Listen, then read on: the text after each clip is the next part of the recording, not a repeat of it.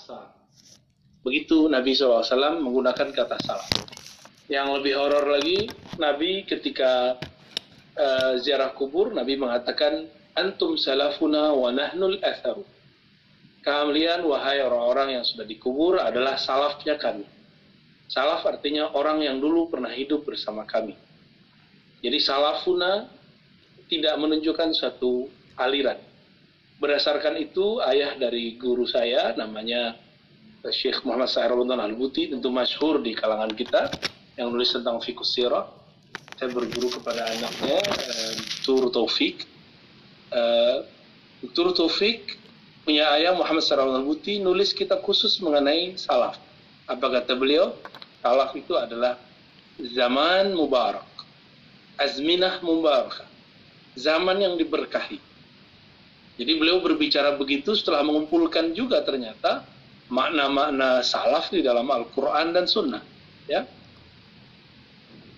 Jadi kata salaf hampir semua menunjukkan time, waktu. Orang-orang yang hidup di zaman dahulu atau waktu-waktu yang sudah berlalu.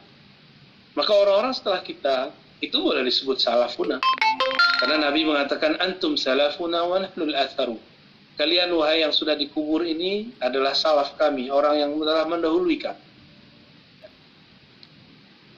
Belakangan dalam kitab-kitab fikih juga muncul dalam kitab hadis misalnya juga muncul dalam Sahih Bukhari misalnya juga ada uh, Imam Az-Zuhri mengatakan kata salaf ya. Adraktu nasan uh, min salafil ulama misalnya. Kata uh, Az-Zuhri aku bertemu uh, sekelompok orang min salafil ulama itu di Sahih Bukhari ada dalam kitab wudu dari salafil ulama. Salafil ulama, Imam Zuhri ini tabi'in berguru ke sahabat dan berguru juga tabi'in senior. Yang dimaksud salafil ulama bagi beliau ada dua kelompok. Bisa jadi sahabat Nabi, bisa jadi salaf-salaf yang sudah uh, yang sudah dahulu meninggal, yaitu tabi'in. Jadi eh, eh, sahabat dan tabi'in yang yang dia masih ketemu. Itu versi Imam Az-Zuhri. Lain lagi misalnya kalau kita buka Sahih apa Sunan Tirmizi. Dalam Sunan Tirmizi beliau menyebut kata salaf uh, itu adalah orang-orang terdahulu yang punya amalan. Kadang-kadang beliau menyebutnya ahlul ilmi, ya. Kadang-kadang beliau menyebutnya uh, uh, ulama salaf atau salafna dan dan kata-kata yang lain. Ya. Berdasarkan ini semua, maka tidak salah kesimpulan Maulana Syekh eh, Muhammad Sa'ir bin Al-Buti kata sallallahu sirrahu anna salaf zamanun mubarak.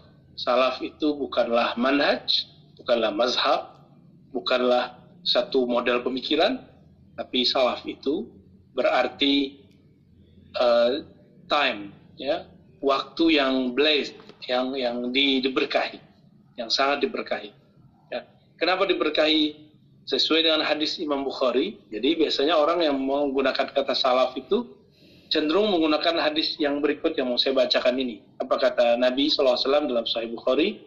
Khairun nas qarni. Sebaik-baik manusia yang hidup di kurun.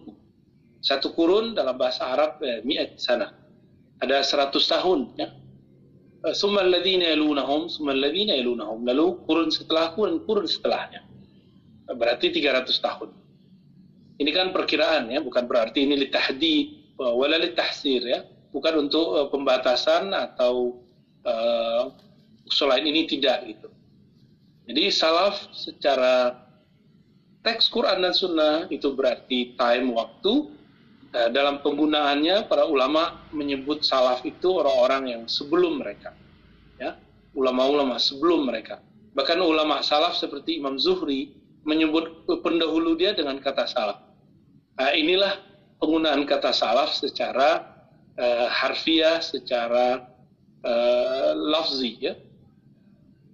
Uh, sekarang kata salaf kemudian diambil oleh sekelompok orang untuk memahami uh, bahwa dirinya salaf. Gitu. Ini kalau boleh saya coret-coret, ya, praktis semoga bisa dilihat di depan ya. Jadi kata salaf bentar.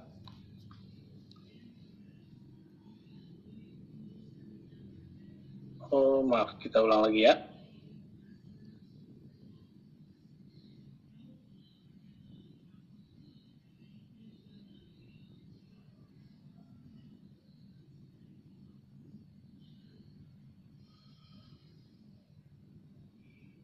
Hmm, kenapa nih nggak bisa ditulis?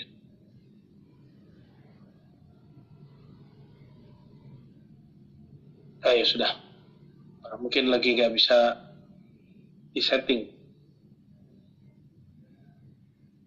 Biasanya langsung untuk pulpennya langsung keluar nih biasanya. ya, tidak masalah. Jadi kata salaf uh, secara Quran dan Sunnah itu berarti fi'lun apa apa zamanun mubarak, zaman yang berkahi. Tapi beberapa ahli bahasa mengatakan salaf itu tidak mesti. Secara bahasa dari sejarah ada salaf yang soleh, ada salaf yang tidak soleh. Ada salaf yang baik, ada salaf yang tidak baik. Ya. Misalnya dulu ada namanya Wasil bin Atta. Wasil bin Atta ini salaf juga berguru kepada Hasan al Basri, tapi kemudian sul adab kepada beliau dan berkhianat kepada ajarannya. Juga ada Amr bin Ubaid, itu berbeda keyakinan dengan uh, ulama-ulama sebelumnya. Uh, dia mengingkari ada takdir misalnya. Ada Jaham Jaham bin Safwan, itu juga salaf, tapi dia mengingkari sifat-sifat Allah Subhanahu wa taala.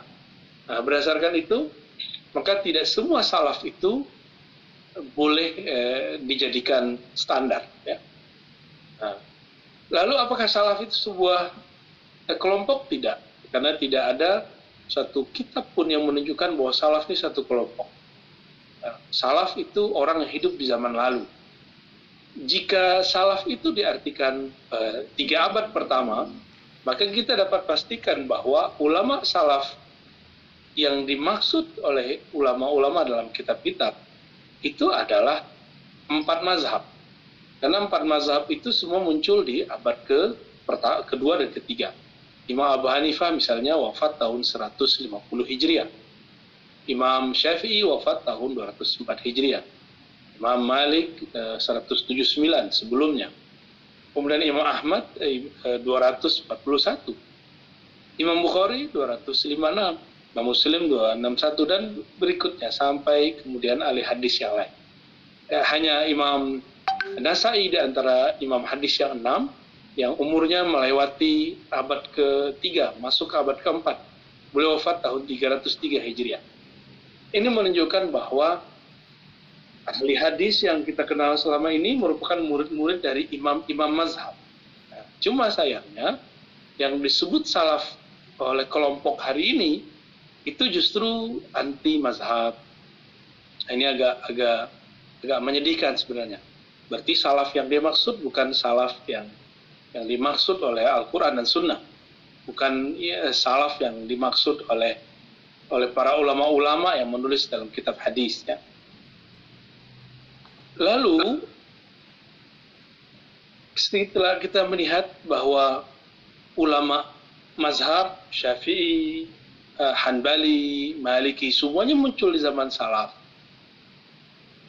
Tiba-tiba ada klaim tidak boleh ikut Imam Syafi'i, tidak boleh ikut Malik, tidak boleh ikut uh, Abu Hanifah, tapi kemudian yang diikuti malah yang paling belakangan Ahmad bin Hambal. Tapi pun ternyata kelompok yang mengatakan ikut salaf itu sendiri juga tidak setia kepada Imam Ahmad bin Hambal. Beberapa kali Imam Ahmad uh, diriwayatkan beliau melakukan sesuatu tapi tidak diikuti. Misalnya masalah beliau pernah diriwayatkan awalnya mengingkari e, membacakan Al-Quran di kubur bahwa itu yanfa'lil mayyit ya, bermanfaat bagi orang yang mati. Tapi kemudian kalam beliau ini tidak di, tidak diterima, tidak diamalkan, eh, bahkan ditolak sebagai ajaran beliau. Nah, jadi antara salaf, antara orang yang mengaku salaf sekarang dengan ulama salaf pun berbeda. Ya, kita juga bingung siapa sebenarnya salaf yang mereka maksud. Ya. Walaupun saya kemudian nulis disertasi tentang teologi muslim puritan itu membahas sanatnya, itu cuma sanat riwayat, tapi secara pemikiran mereka masih jauh. Antara suatu masa dan masa berbeda. Ya. Ini perlu kita garis bawahi dulu sebelumnya. Ada kelompok yang mengaku salaf ini, akidah mereka itu ditandai dengan uluhiyah, rububiyah, wa sifat. Disebut tiga tauhid. Kita cek ke ulama salaf, adakah ulama salaf yang membagi tauhid jadi tiga? Ternyata tidak ada. Ya. Tadi orang-orang yang mengaku salaf hari ini tidak bermazhab. Tapi ulama salaf terdahulu mereka justru menciptakan mazhab. Yang sekarang, yang salaf sekarang itu mengharamkan tawasul. Ternyata kita atau tabarruk mengambil berkah. Ternyata ulama salaf dulu itu doyan tabarukan, doyan tawasulan.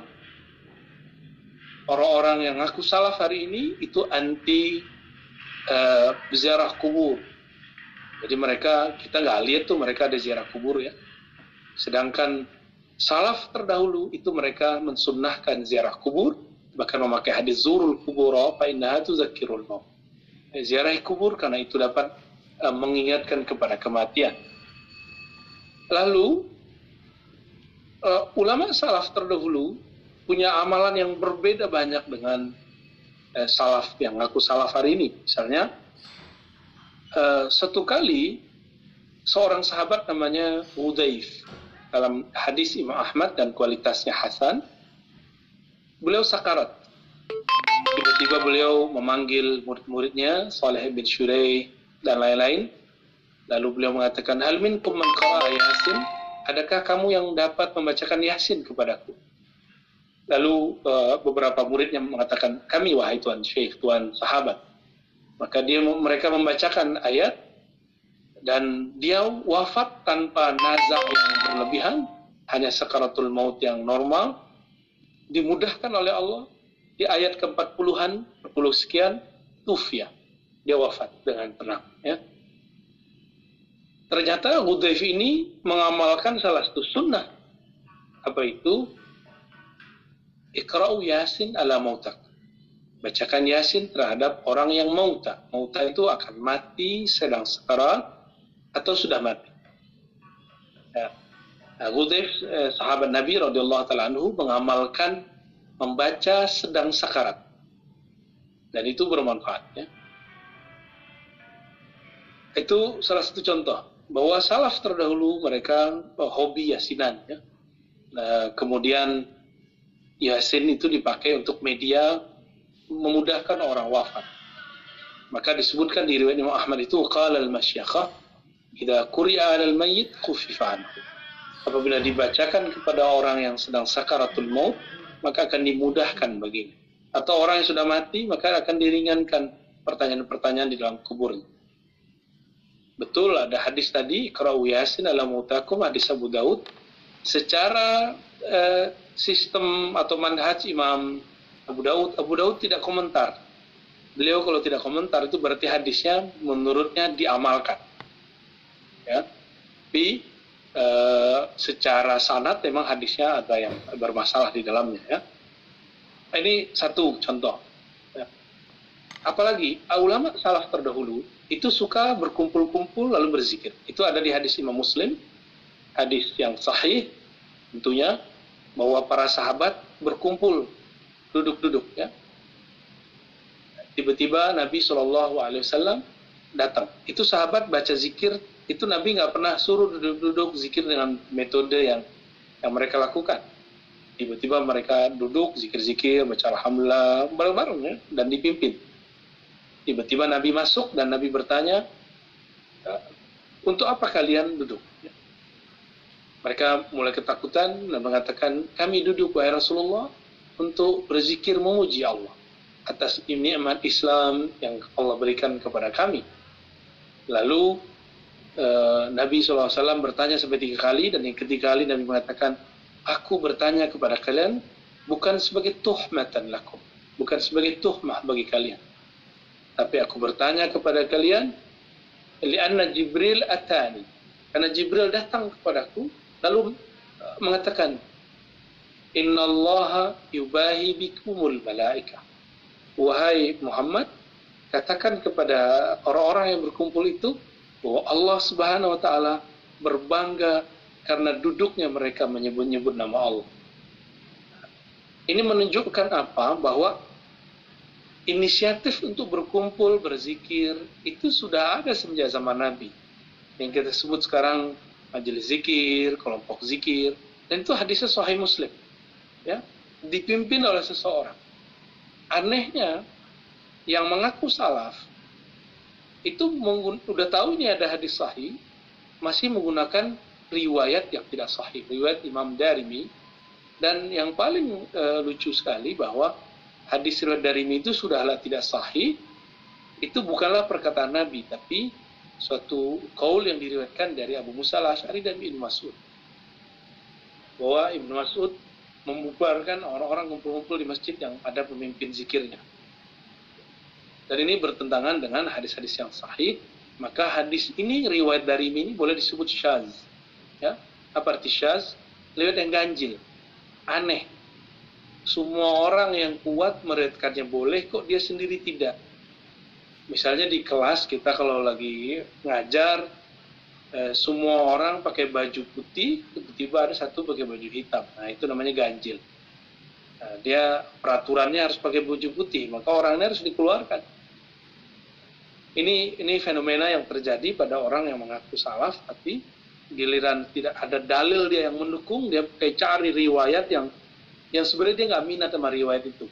Tapi apa boleh buat? itulah riwayat satu-satunya yang bisa memperkuat mereka adalah untuk membatalkan orang ngumpul-ngumpul zikir, ngumpul-ngumpul tahlilan, ngumpul-ngumpul baca uh, baca uh, aurat-aurat zikir-zikir lah. Lalu apalagi amalan umat salaf soleh? Ulama salafus soleh seperti yang tadi saya katakan mereka suka ziarah kubur dan itu langsung dicontohkan oleh baginda Rasulullah SAW saya sering mencontohkan bahwa dalam hadis Sayyidatuna Aisyah, riwayat Bukhari dan Muslim, baginda Nabi Muhammad SAW itu sering mendatangi kubur di tengah malam. Di satu malam, Sayyidatuna Aisyah mencoba membututi Nabi karena uh, muncul uh, kecemburuan Sayyidatuna Aisyah. Dikira Nabi ini bakal pindah ke rumah istri yang lain. Maklum istri Nabi SAW lebih dari satu Nah, di tengah perjalanan ternyata Aisyah kaget Nabi SAW tidak ke rumah istrinya yang lain. Tapi Nabi justru berziarah ke makam Makbarah Al-Baqiyah eh, yang ada di sebelah eh, kiri Masjid An-Nabawi. Ya. Jadi Nabi ini suka ziarah dan ziarahnya bukan hanya siang hari, ziarahnya tengah malam. Ya, betul-betul horor lah kalau bagi orang sekarang. Jadi Nabi ternyata mau siang mau malam sama aja, kubur kan sama aja cuma kita uh, digoda sama jin setannya yang yang, yang kenceng ya padahal itu tidak ada kaitan. Jadi Nabi itu suka ziarah. Dan bahkan beliau mengatakan uh, zurul kubur ziarah kubur. Oleh karena itu ulama-ulama sahabat ulama-ulama tabi'in itu mereka sangat suka berziarah. Uh, ada yang menarik. Orang yang mengaku salaf hari ini mengatakan ziarah ke masjid Nabi itu disunahkan. Tapi ziarah ke kubur Nabi itu bid'ah. Meniatkan ziarah ke kubur Nabi itu bid'ah. Ziarahnya boleh. Meniatkan ziarah itu menurut mereka itu bid'ah. Uh, ini ini agak aneh juga ya. Fikihnya itu aneh kok bisa begitu. Apakah mereka lupa bahwa tidak ada kemuliaan pada Masjid Nabawi kecuali karena disebabkan Nabi? Jadi ternyata mereka pakai satu hadis. Nah, ini gini-ginian begini ini hadis dipakai, tapi gagal faham. Apa riwayatnya? Nah, La tushaddur rihal illa li salasati masajid. Tidak boleh melakukan rihlah yang yang serius, yang panjang, yang jauh, kecuali kepada tiga masjid. Apa aja itu? Pertama, uh, Masjid Al-Haram. Yang kedua, Masjid Al-Quds. Yang ketiga, masjidi, masjidku ini. Mereka lupa bahwa masjid Nabi Muhammad itu menjadi masjid itu karena sosok Nabi Muhammad. Kira-kira yang membangun masjid dengan masjidnya lebih mulia yang mana? Gitu. Dan kira-kira kalau diziarahi yang lebih pantas diziarahi karyanya atau yang punya karya. Nah, mereka tidak sampai membaca apa yang kita sebut mafhum. Yang dibaca cuma mantuk, yang tertulis, tapi yang mafhum, pemahaman di balik teks yang tertulis, itu jarang disentuh. Ya. Nah, inilah beberapa uh, contoh-contoh. ya. Apalagi contoh lain. Nabi SAW dan para sahabat, ya, itu mereka memanggil satu sama lain memberi gelar dengan ucapan Sayyidina.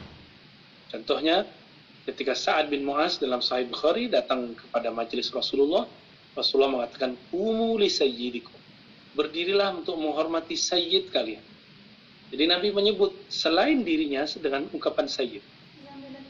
Begitu juga eh, kita kemudian mendengar bahwa Nabi Shallallahu Alaihi Wasallam menyebut uh, cucunya Sayyidina Al-Hasan, Sayyidina Al-Husain dengan ungkapan Sayyid. Apa kata beliau? Hazani, ya, dua, dua cucuku ini Sayyidah Syababil Jannah akan menjadi uh, penghulu pemuda-pemuda di surga. Ya, penghulu pemuda-pemuda di surga. Bahkan dalam hadis Imam Bukhari beliau mengatakan, Ana Sayyidu waladi Adam. Jadi jika semua sahabatnya itu dipanggil Sayyid, Sayyid, Sayyid, Sayyid, Ya beliau adalah penghulu para sayyid. Penghulunya para sayyid. Artinya apa? Nabi SAW ahakku bisiyadah min ghairi. Nabi lebih mulia, lebih berhak dipanggil sebagai sayyid daripada yang lain. Tapi muncul fikih yang aneh yang kemudian melarang mensayyidkan Rasulullah berdasarkan hadis yang syaz eh, yaitu ada ungkapan as-sayyid huwallah Asaid itu cuma Allah. Hadis itu kan syaz, dia bertentangan dengan hadis yang lain. Secara makna betul Allah itu juga sayyid.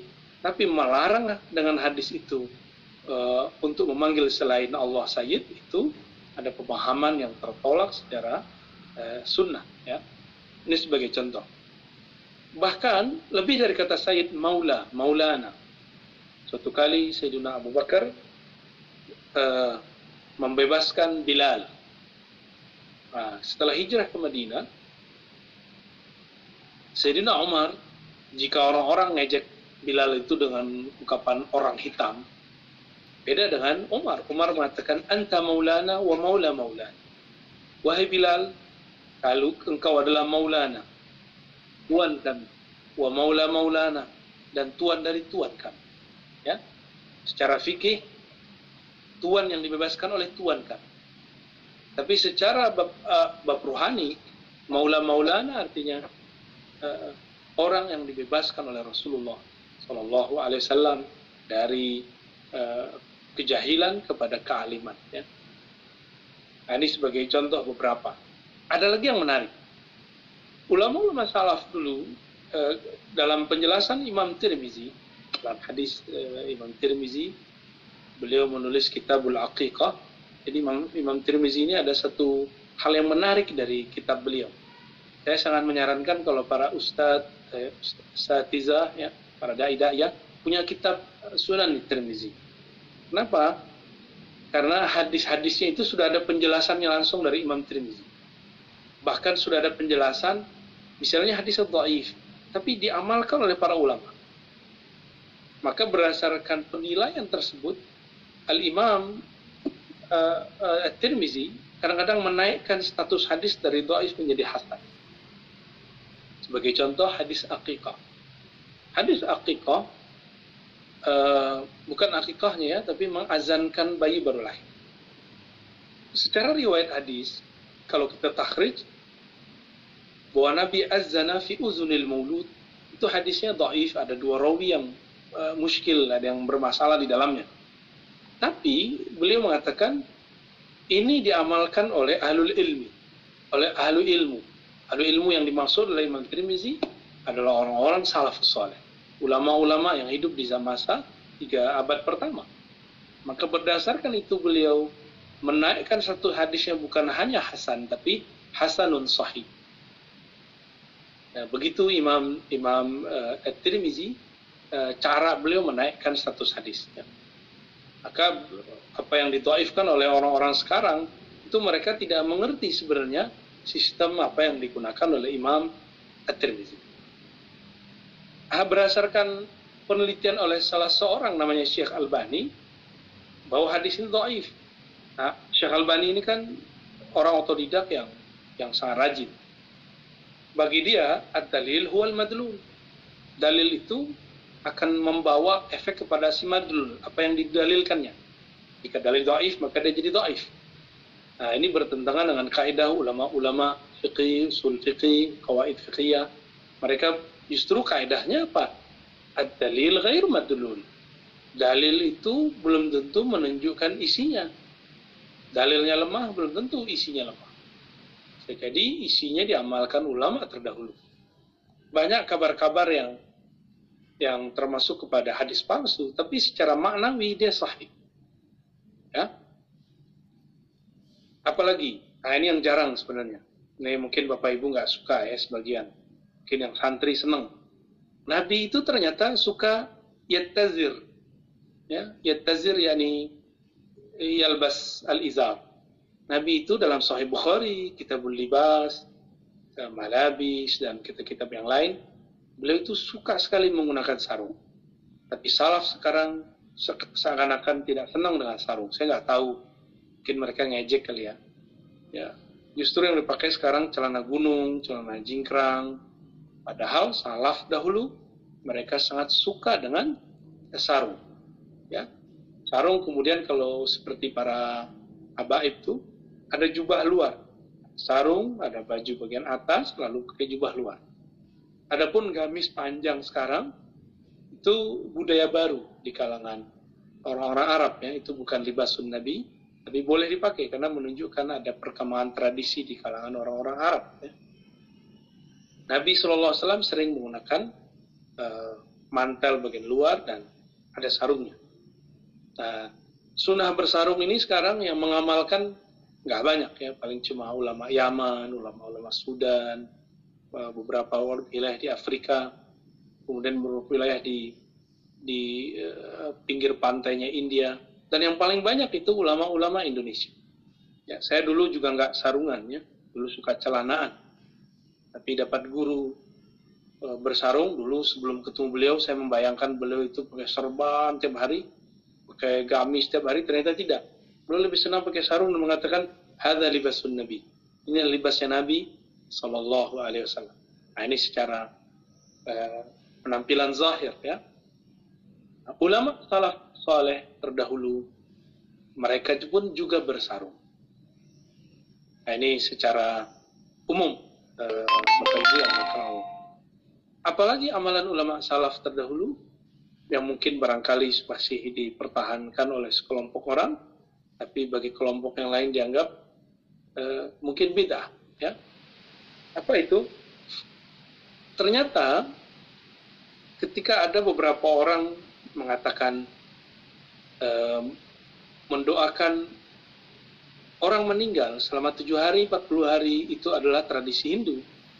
Ini merupakan kata-kata yang berlebihan. Kenapa? Karena di Hindu tidak ada yasinan, tidak ada tahlilan. Kalau ada, berarti dia bukan Hindu, dia seorang Muslim. Itu yang pertama. ya. Yang kedua, eh, tujuh hari, 40 hari itu bukanlah angka yang muncul dari, dari agama Hindu tapi itu muncul dari hadis-hadis Nabi Sallallahu Alaihi Wasallam.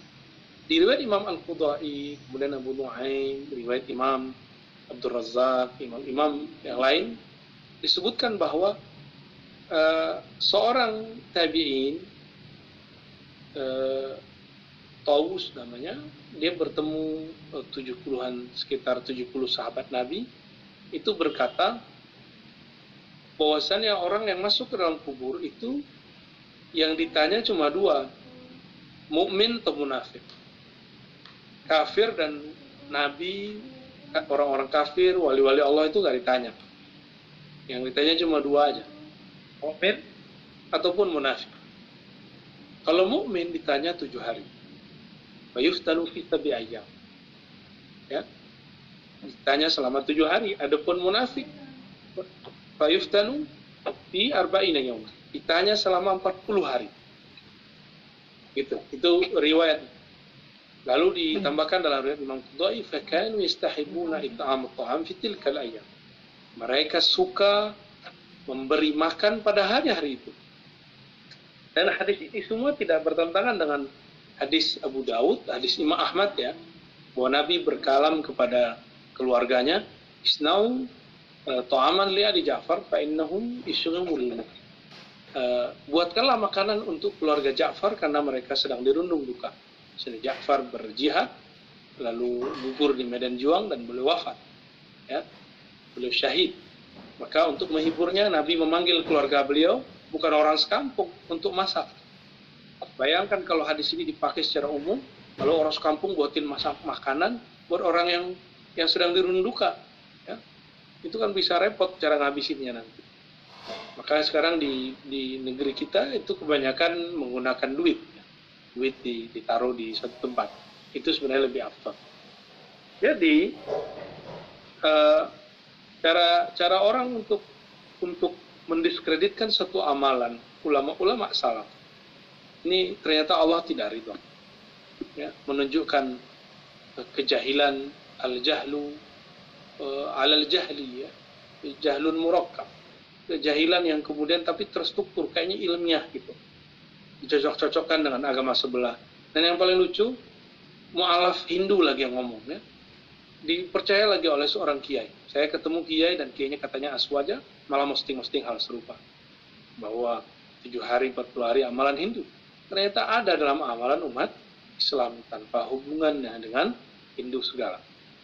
Nah ini beberapa eh, boleh kita sebut mungkin refleksi kita, eh, murojaah kita terhadap bahwa ulama-ulama salafus soleh itu punya amalan, tapi sekarang sayang sekali dibidahkan ya, dibidahkan oleh kelompok yang mungkin melaku salah.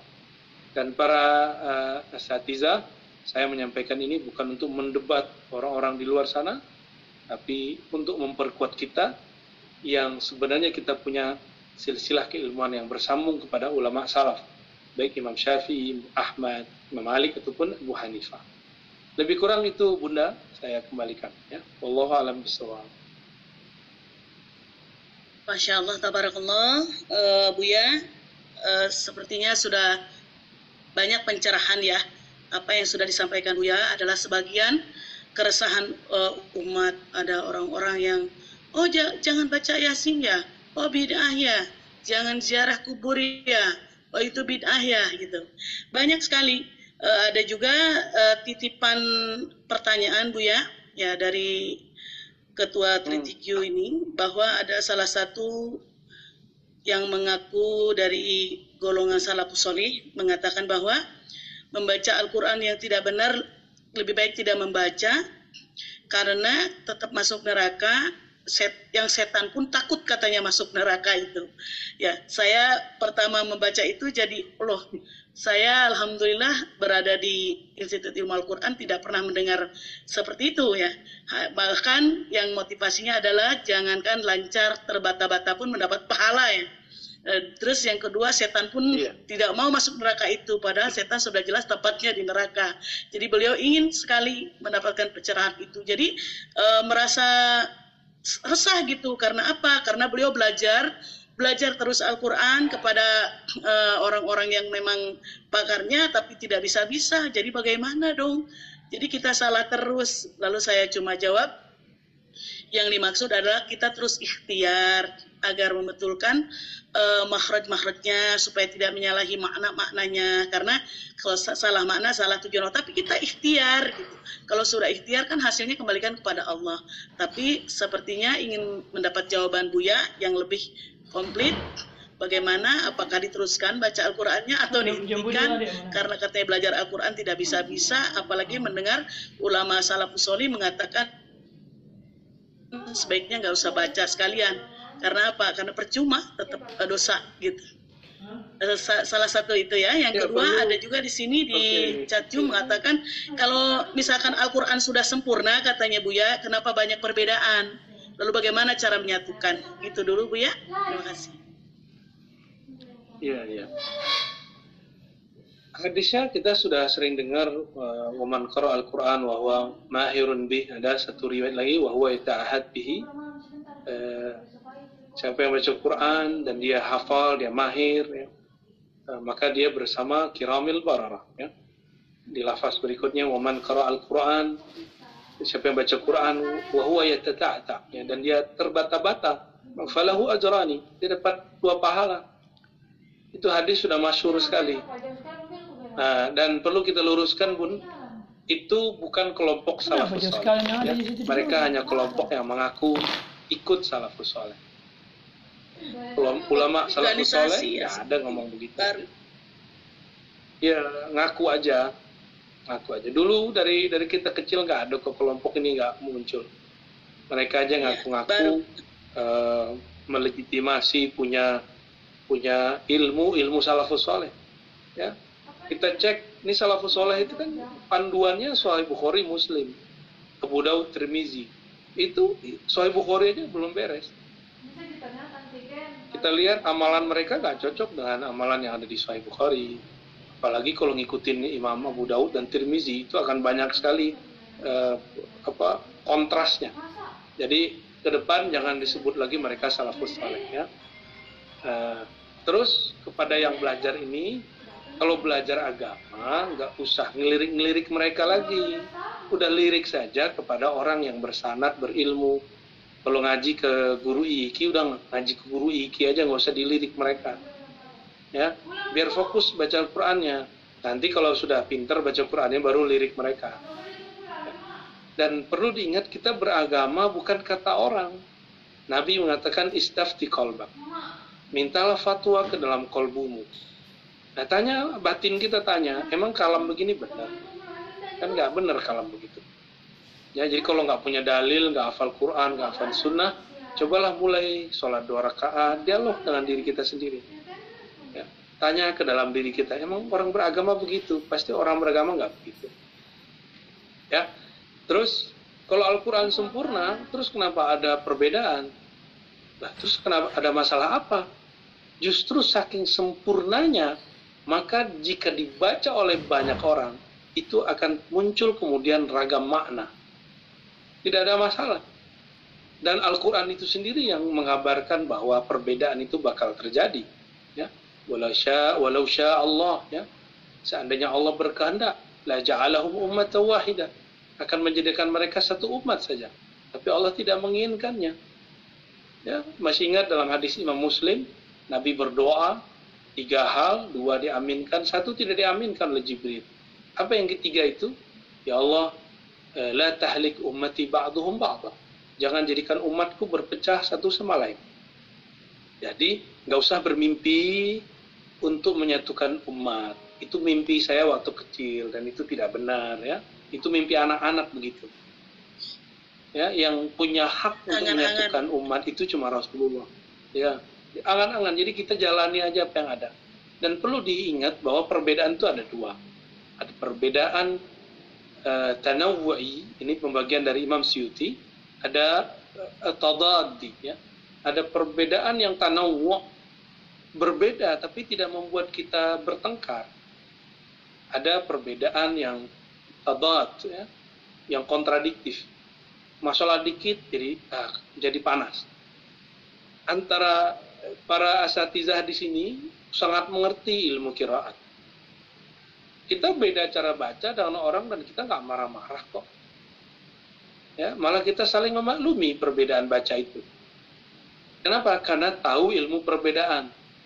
Nah, kapan ilmu perbedaan ini, apa perbedaan ini menjadi suatu musibah?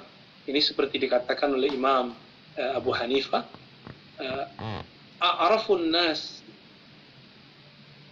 bidin a'rafuhum bil khilaf. Orang yang paling uh, mengenal agama adalah orang-orang yang paling mengerti ilmu tentang khilafiyah perbedaan. Nah, mereka ini kan menolak menolak adanya perbedaan yang boleh cuma dia aja, ya. Nah, ini sudah memaksa kita untuk satu satu seragam dan itu mimpi anak-anak. Cuma anak-anak yang bermimpi jadi pahlawan, jadi hero, semuanya jadi satu, nggak ada. Rasulullah pun di zaman hidup beliau membiarkan terjadi perbedaan.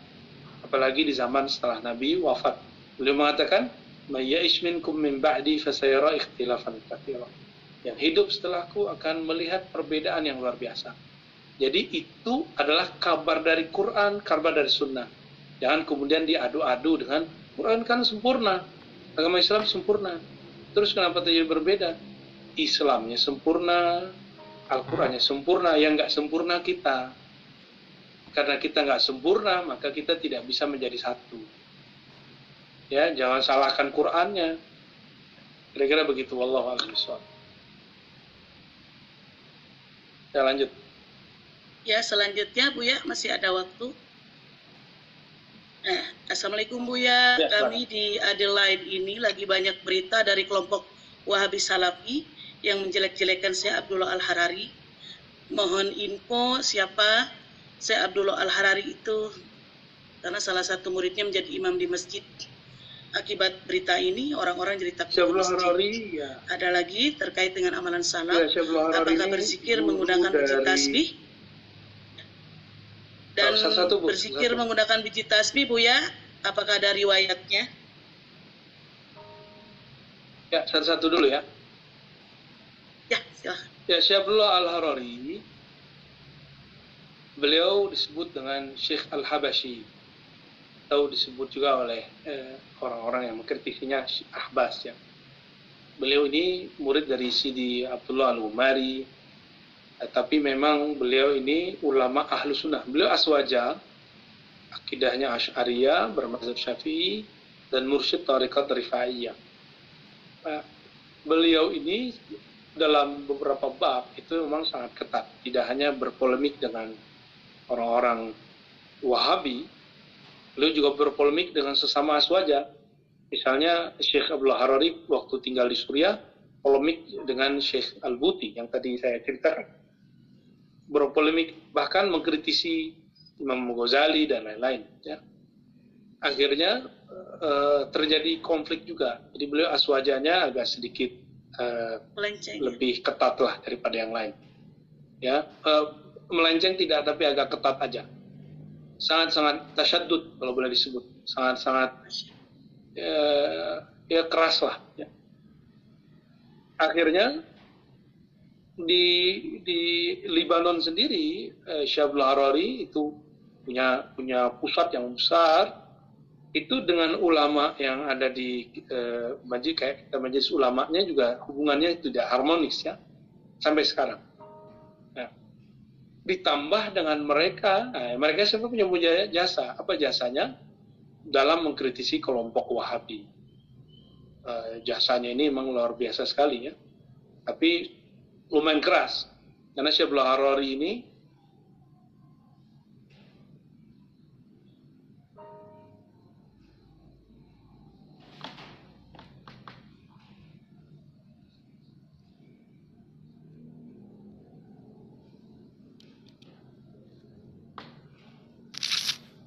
Oke okay, maaf tadi uh, apa wifi-nya keputus.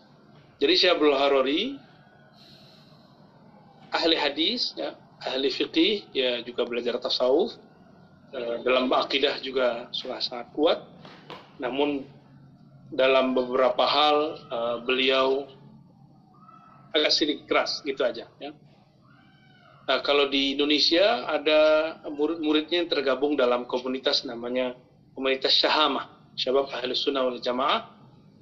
Ya, ala kulihal saya pernah interaksi dengan mereka, uh, cuma mungkin bagian-bagian yang sedikit agak kerasnya itu kita kita tidak ambil, yang tapi bagian ilmiahnya kita ambil.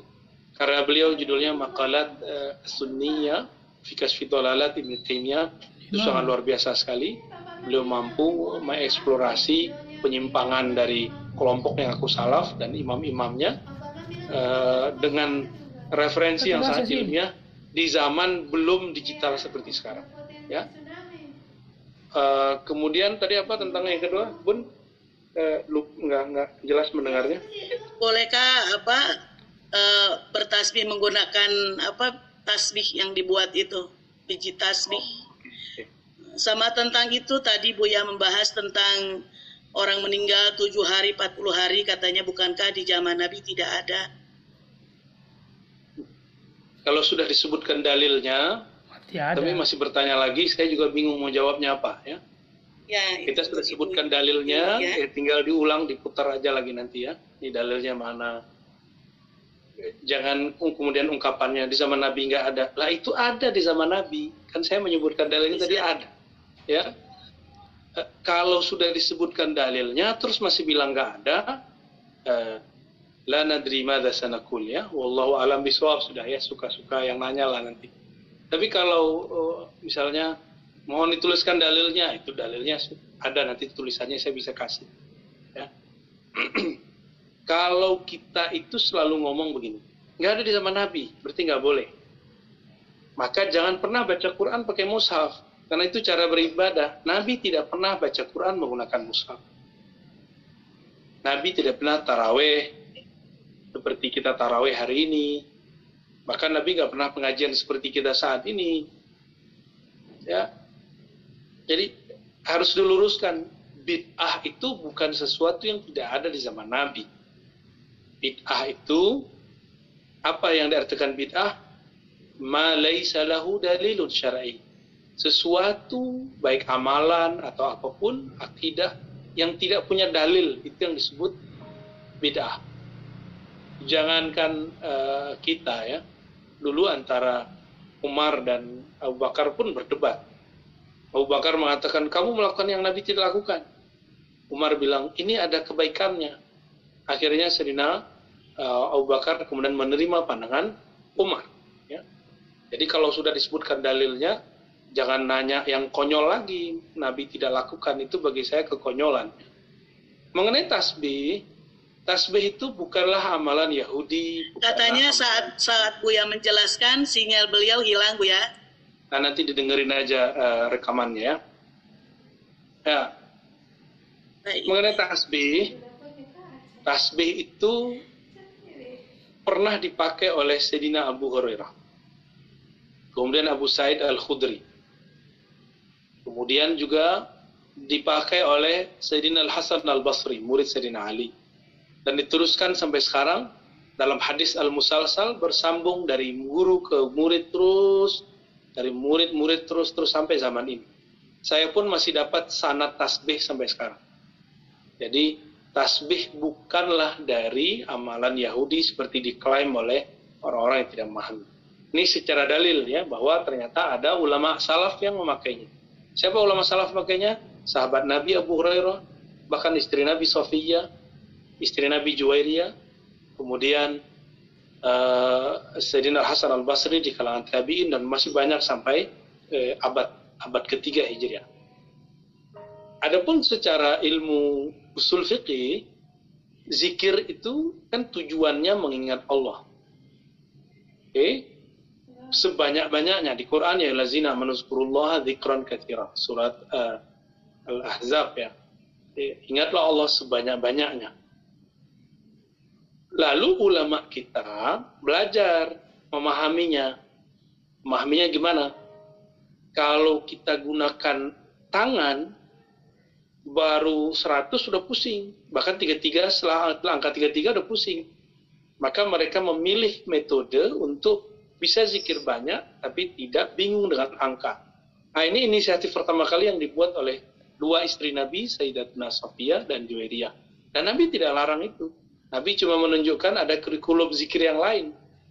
Selain zikir menghitung, ada zikir tanpa menghitung. Cuma disalahartikan hadis itu sebagai dalil uh, bid'ah menghitung uh, uh, apa? menghitung zikir ya. Dari mana kita tahu? Karena ada sahabat Nabi yang lain seperti Abu Hurairah dia punya alat tasbih 2000 dan baru enam kali putar dia kemudian baru bisa tidur setiap malam. Jadi dia punya wirid setiap hari berzikir 12 eh, ribu dengan menghitungnya pakai alat tasbih. Jadi tidak benar kalau umat Islam, para sufi, para kiai, para aswaja ini meniru Saulin, meniru Yahudi, meniru ahli kitab tidak. Tidak ada meniru di situ. Kebetulan sama tidak masalah. Ahli kitab pakai celana, kita pakai celana. Ahli kitab pakai sarung, kita pakai sarung kalau kita pakai kopiah, kita pakai kopiah. Bukan berarti kita ikut mereka. Ya, kebetulan saja sama. Wallahu a'lam bishawab.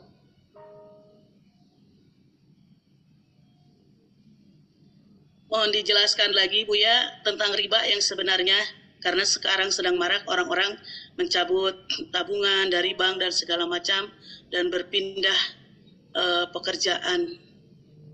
Itu saja Bu ya. Dalil mengenai kata salaf pertama tadi yang saya sebut di Quran ya, itu ada dalil mengenai riba ya.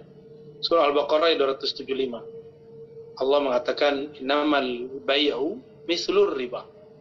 Uh, apa uh, menghikayatkan kalam mereka. Qalu innamal bai'u mislur riba. Lalu Allah mengatakan wa halallahu al-bai'a wa harrama riba. Bukanlah sama antara transaksi dengan riba. Allah menghalalkan transaksi dan mengharamkan riba. Riba yang dimaksud di dalam Al-Quran itu jelas itu riba jahiliyah, itu riba al-fadal, ya, kemudian uh, riba nasiah dan itu kita sudah tahu semua secara pemahamannya. Riba ini uh, paling identik jika baina zahab bizahab, emas dengan emas, perak dengan perak. Dan di zaman itu tidak berlaku seperti sekarang uh, hukum pada uh, duit. Ya. Duit kertas, mata uang kertas seperti rupiah, dolar, pound sterling, euro dan lain sebagainya hukumnya sudah berbeda dengan emas. Maka pengharaman terhadap yang ada di ayat ini tentu harus harus diurai di bagian mananya dia berlaku ketika kita menggunakan mata uang. Mungkin saya mau nanya ke Bunda. Bunda, kalau saya minjem ke Bunda 10 miliar tahun ini, saya balikin lima tahun lagi dengan angka yang sama, mau nggak Bunda? Nggak mau lah. Gimana, Bunda? Harusnya lebih ya, Bu ya. Mau nggak? Rugi atau untung?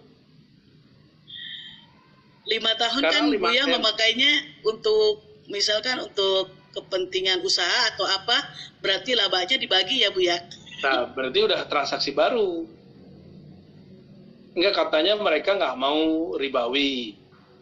Jadi kalau minjam sekarang 5 juta, 5 tahun lagi atau 10 tahun lagi harus tetap 5 juta. Ya. Ini kan ya mohon maaf, kata konyol keluar lagi deh. Ya, itu kekonyolan lagi tuh. Bahwa prinsip yang berlaku pada uang itu berbeda dengan yang terjadi pada emas di zaman Rasulullah SAW. Ya. Eh, yang kita sebut dengan eh, apa eh, inflasi. Ya. Jadi ternyata yang disebut uh, transaksi syariah itu kalau nguntungin mereka, kalau nggak nguntungin disebut bid'ah haram ya. Ini nggak benar ya. Bank, ya. apakah bank itu uh, riba? Tidak semua produk bank itu riba. Mungkin ada beberapa produk-produknya yang mendekati riba. Nah, tapi tidak semua. Kenapa? Karena bank itu beda dengan uh, seperti orang yang meminjamkan uang di zaman Nabi meminjamkan apa emas di zaman Nabi.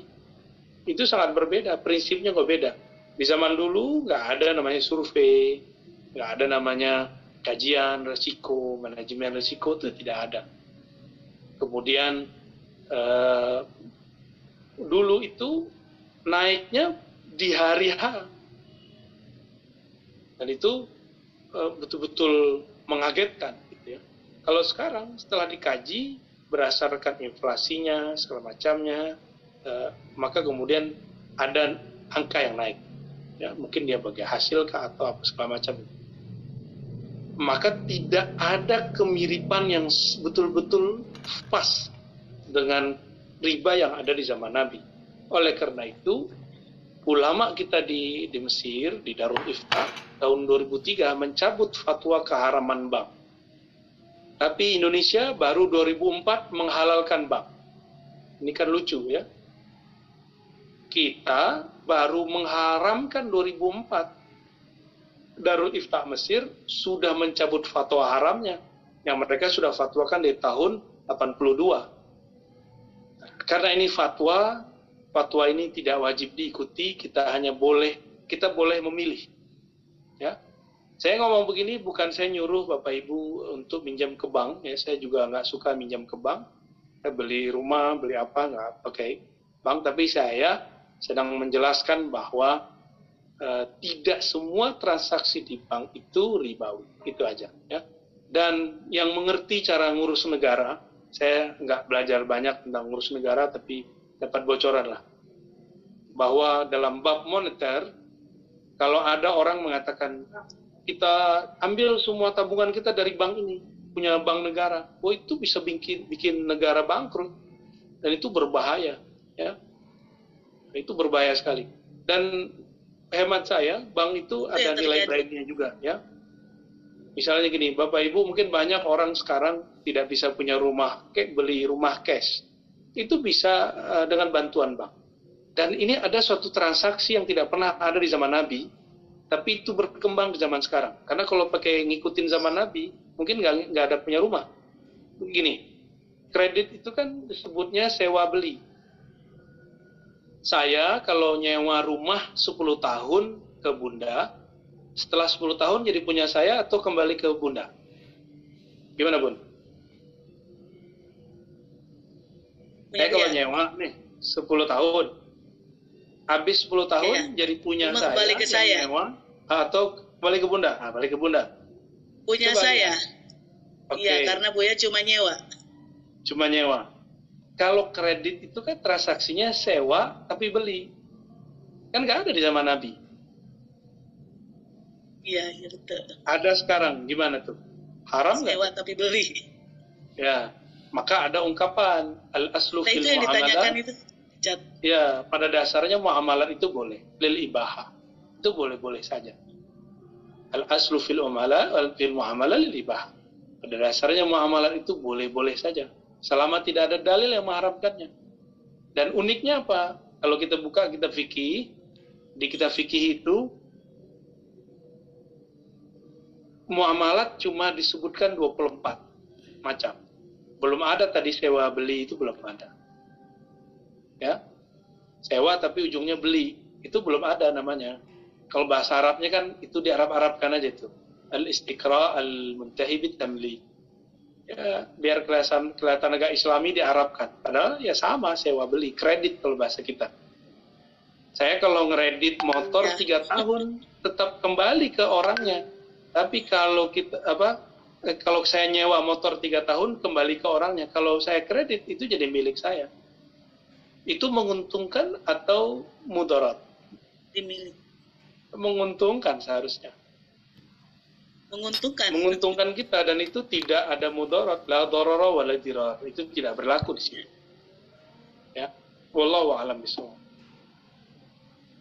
Tapi kalau yang tadi Bu ya, yang ya. misalkan ya. tadi Bu ya meminjam uang, ya. Hmm. Kalau yang meminjam uang tadi Bu ya, terus saya mengambil keuntungan, itu yang baru madorat untuk teman ya. Oh itu jelas, itu jelas. Seharusnya meminjamkan kembali dengan nilai sama. Iya. Uh, makanya Karena rata-rata orang demikian jangan ingin pakai lebihnya. angka. Jangan pakai angka yang sekarang. Kalau minjam dalam angka yang besar, gunakan nilai emas. Ya, jadi kalau minjam dengan nilai yang besar, waktunya panjang, gunakan uh, satuan emas. Uh, misalnya nih. Baik Bu ya, saya mau mengizinkan berapa? salah satu jamaah satu. untuk bertanya ya. Hmm. 500 ribu. Ya kayak 500 ribu. Kalau setelah lima tahun naik nggak? Oh, biasanya ada kenaikan ataupun bahkan turun ya. bisa turun ya. Kalau, kalau turun, secara turun, harga. Tapi kalau duit, bisa. Iya. misalnya sekarang 500, 10 tahun lagi Tidak. bisa nggak beli emas uh, 500? Ya tetap. Ya. Nah, berarti Betul. menggunakan uang, uang ini, ini hukumnya berbeda, hukumnya sendiri. Tidak tercover dalam kitab fikih-fikih lama. Iya, iya. Kita harus mengikuti hukum yang berkembang zaman ini kitab-kitab fikih sendiri kan dia berkembang banyak hal yang tidak ada di zaman Nabi itu di, ada di kitab fikih. Ya. Maka ada fikih. Silakan. Ya baik Bunda. Mohon dikondisikan suaranya singkat padat. Ya, ya Bunda. Uh, saya ingin bertanya Bu ya berkaitan dengan zikir Bu ya. Saya yang dari Medan yang kemarin di Masjid Istiada yang ingin kali bertanya sama Bu ya jadi Bu ya, ada orang yang ketika mau meletakkan uh, zikirnya ke dalam kolbu, ada yang dilatihkan Bu ya, tapi dengan cara mentalkinkannya, jadi suruh mandi pakai jeruk Buya. Dah setelah itu baru dilatihnya untuk zikir kalimat Allah, Allah, Allah, Allah Buya. Uh, kemudian ada ditambah dikasihnya lagi zikir solawat, tapi dikasih air putih yang telah dibacanya, kemudian diminumkannya ke kita. Bagaimana uh, tanggapan Buya berkaitan dengan uh, peletakan mentalkinkan zikir ke dalam diri kita Buya? Yang benarnya itu gimana Buya? Terima kasih. Hmm. Ya itu metodologi aja, metode yang berbeda dan itu tidak masalah ya. Masalah dimandikan, nggak dimandikan, wudhu, nggak diwudhu itu itu cuma metode ustadznya aja. Yang penting nyampe hadis lakinu mautakum la ilaha illallah. Lalu dalam Ibnu Majah dikatakan kaifalil ahya? Bagaimana bagi orang hidup? Lalu Nabi mengatakan bagus ya. Talkinkan orang yang mati atau yang akan mati la ilaha illallah. Mengenai cara mandi, itu tidak ada masalah ya tidak ada larangan bahkan bagus mungkin itu boleh disebut mandi tobat atau mandi apa pun e, guru membacakan doa untuk air itu kan rukyah di luar kita boleh rukyah. Kenapa guru kita sendiri rukyah? Kita nggak mau. E, dan itu tidak ada hubungannya dengan bid'ah kurafat atau apa pun ya. Jadi boleh. Wallahu alam bisawab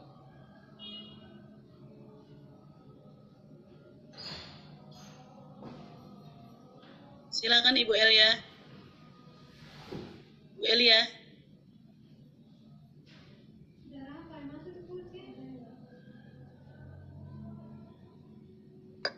Silakan Pak Ahmad. Ya. Assalamualaikum Ustaz. Assalamualaikum. Ya. ya Ustaz, uh, Afwan mau bertanya Ustaz mengenai tadi uh, masalah riba ya. Uh, Ustaz, uh, kalau kita berhutang itu tapi hmm. tujuannya untuk usaha Ustaz gitu saya sebenarnya agak khawatir juga gitu untuk me, apa uh, karena berkaitan dengan riba ini tapi mendengar apa yang Ustadz bilang tadi bahwa uh, ini kan uh, berkembang gitu ya dengan uh, hukum yang sekarang gitu. Nah kira-kira menurut Ustadz bagaimana kalau misalnya kita berhutang itu katakanlah ke bank karena ke bank itu kan apa kontroversi ya bagi Ustadz. Jadi uh, uh, sudah pasti yang konvensional itu katanya riba gitu. Nah kira-kira bagaimana kalau tujuannya itu untuk usaha gitu Ustadz? Ya mudah aja kalau ragu ke bank syariah. Gitu. Ya. Begitu. Kalau ragu kalau ke bank syariah. Kita, kalau kita aksesnya hanya ke bank konvensional? Buka saja akses ke bank syariah kan bisa kita kan warga negara punya hak kepada bank syariah lebih baik. Jadi nggak ada masalah. Oh gitu. Tapi ya. kalau misalnya kita sudah misalnya kita sudah terlanjur pada bank konvensional, apakah kita memang sudah berada pada posisi riba? Oh enggak, enggak. Mengikuti fatwa Darul Ifta itu tidak. Tapi kalau ngikutin fatwa MUI, iya. Ibu ikut fatwa yang mana? Oh gitu. Ya saya sih karena niatnya mau usaha jadinya hmm. gitu Ustaz. Seperti yang yakin. Iya. Iya. Baik Ustaz, syukuran Ustaz jawabannya. Assalamualaikum warahmatullahi wabarakatuh. Silakan Ibu Nadia, Ibu Naya, Ibu Nadia Jahar.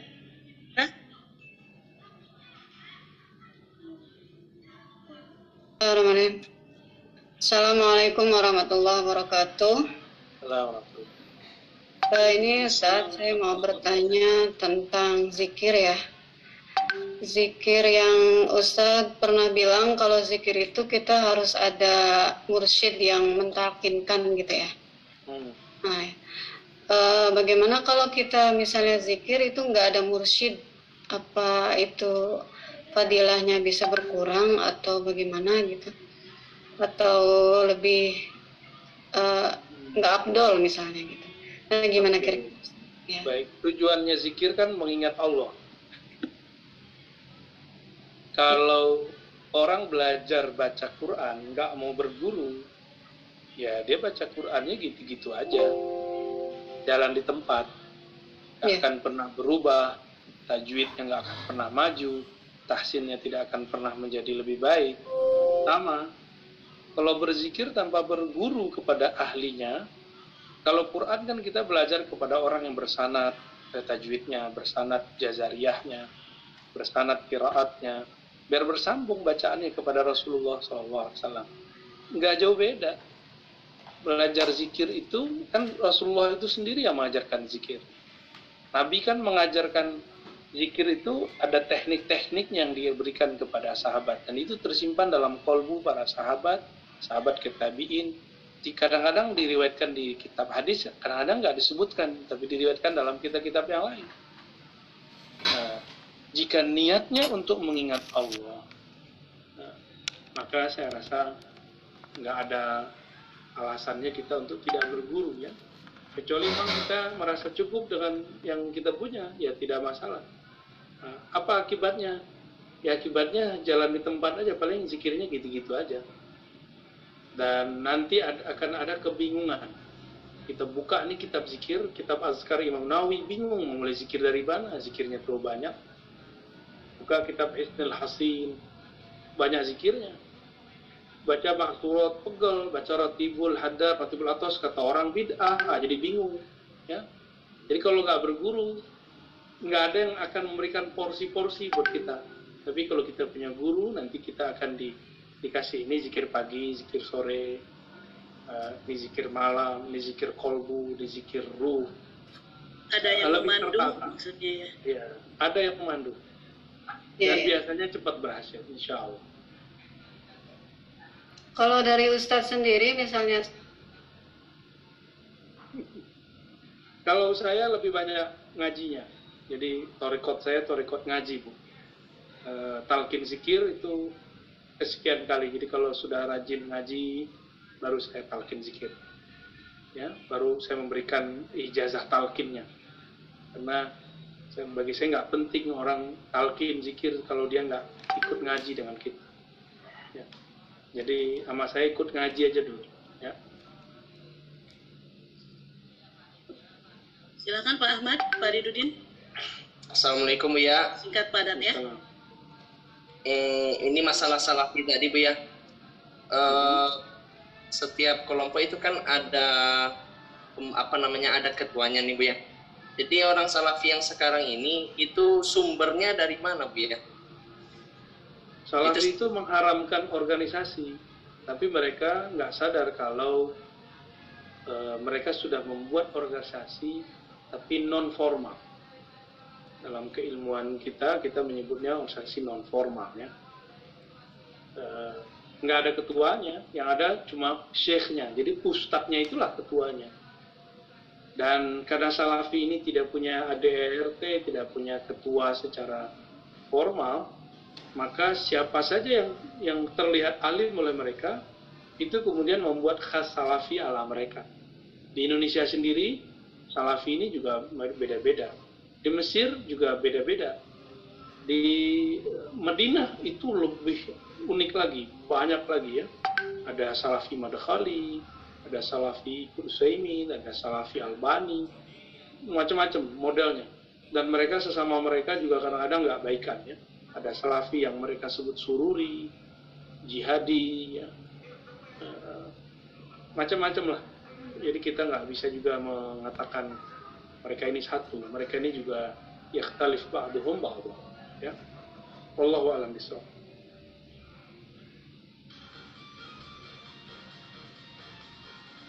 Gimana, Bun? Suaranya, suaranya. Ibu Yani, silakan Ibu Yani, masih ada waktu. Bu Yani? Sam. Sam ambil dulu enggak? Cas. Hanya suara, suaranya itu. Isikan suaranya ya. Ibu Anda itu Bu Anda. Ya. Itu mantul suaranya Ibu Yani. Saja handsetnya. Ibu, Ibu, Ibu Anda, dilompatin aja Bu. Suaranya Bu. Assalamualaikum Bu ya. Ini tentang salawat. Itu eh, misalnya salawat eh, munjiat, salawat nariyah, kemudian jenis-jenis salawat lain itu katanya tidak dicontohkan oleh Rasul. Rasul itu hanya mencontohkan pada tasahud akhir saja salawat itu saja. Yang lain tidak boleh tentang jenis-jenis salawat bu ya. Juga tidak jenis-jenis salawat sehingga kalau kita uh, bawakan salawat-salawat itu bid'ah. Kemudian juga salawat yang dilakukan itu juga uh, bid'ah bahkan ada yang mengatakan haram. Kemudian berikutnya apakah kita memang tidak boleh mengucapkan uh, selamat ulang tahun? Itu juga katanya bid'ah Demikian Ustadz. Ya, orang yang bilang nggak boleh jadi jenis sholawat, nggak boleh macam-macam sholawat kecuali yang hanya di akhir itu menunjukkan dia tidak selesai baca hadisnya. Karena di Sahih Bukhari ada beragam macam sholawat. Nanti buka lagi Sahih Muslim, hampir mirip. Yang agak berbeda itu nanti kalau kita baca sholawat di uh, kitab Imam Abu Dawud, eh, Imam Tirmizi, Imam Ibnu Majah, ada salawat Hashimiyah, macam-macam salawat itu. Jadi Nabi sendiri beragam salawatnya. Dan itu menunjukkan bahwa salawat itu tidak saklek. Ya. Kemudian uh, Sayyidina Ali punya salawat sendiri. Bahkan Imam Syafi'i menggubah salawat di dalam kitab Ar-Risalah yang kita eh, sering eh, dengar ya Allahumma sholli ala sayyidina Muhammad.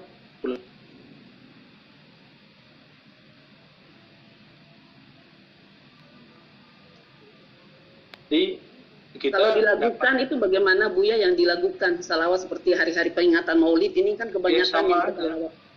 sama aja. salawat mau dilakukan nggak dilakukan kan sama aja.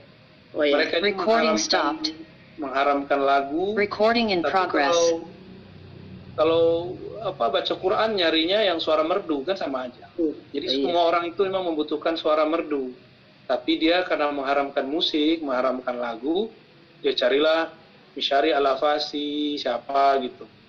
Gak seperti ustazah tadi yang baca kan.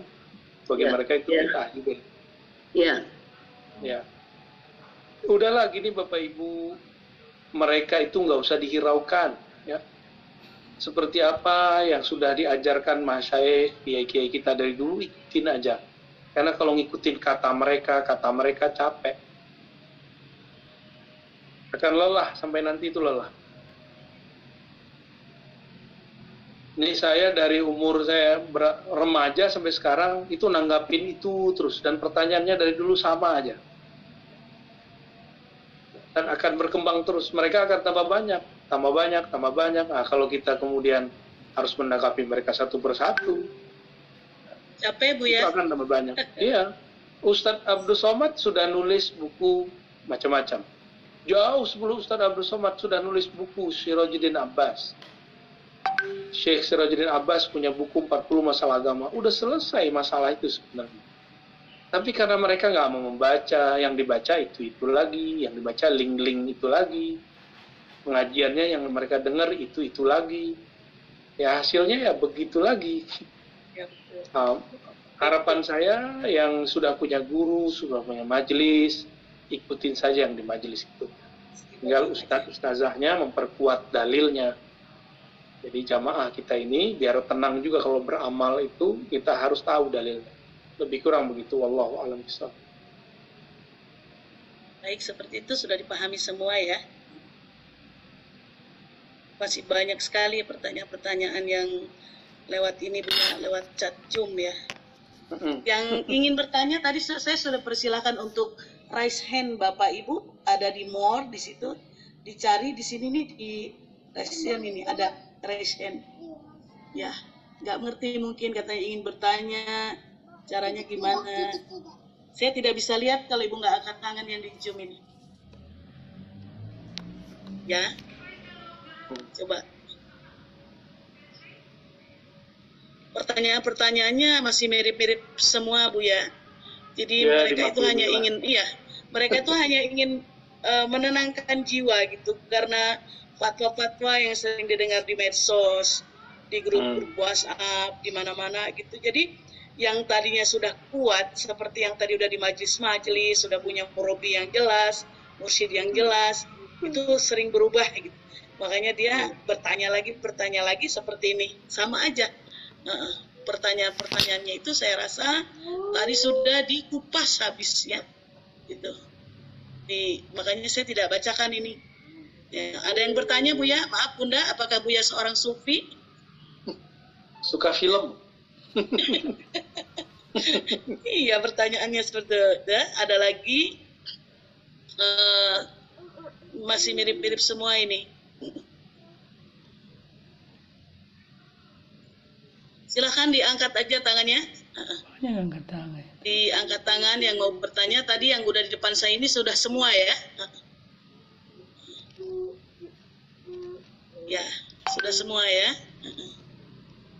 Yang tadi siapa namanya? Ingin bertanya langsung. Bu Yani Puji. Di Bu Yani. Iya, tadi yang mati. Bu Yani iya. Ibu Yani oh, udah. Tapi mati ya? tadi. Belum, belum. Oh ya, mau dilanjutkan silakan. Silakan. Silakan Ibu. Silakan Bu Yani dibuka speakernya.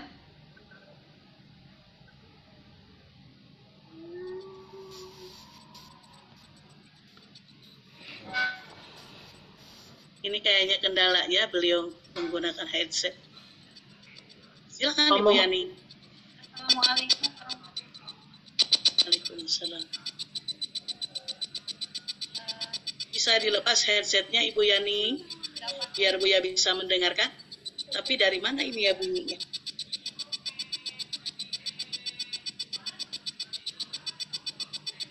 Ada bunyi yang sangat mengganggu Ibu Yani, boleh dicat aja ya, biar kedengaran.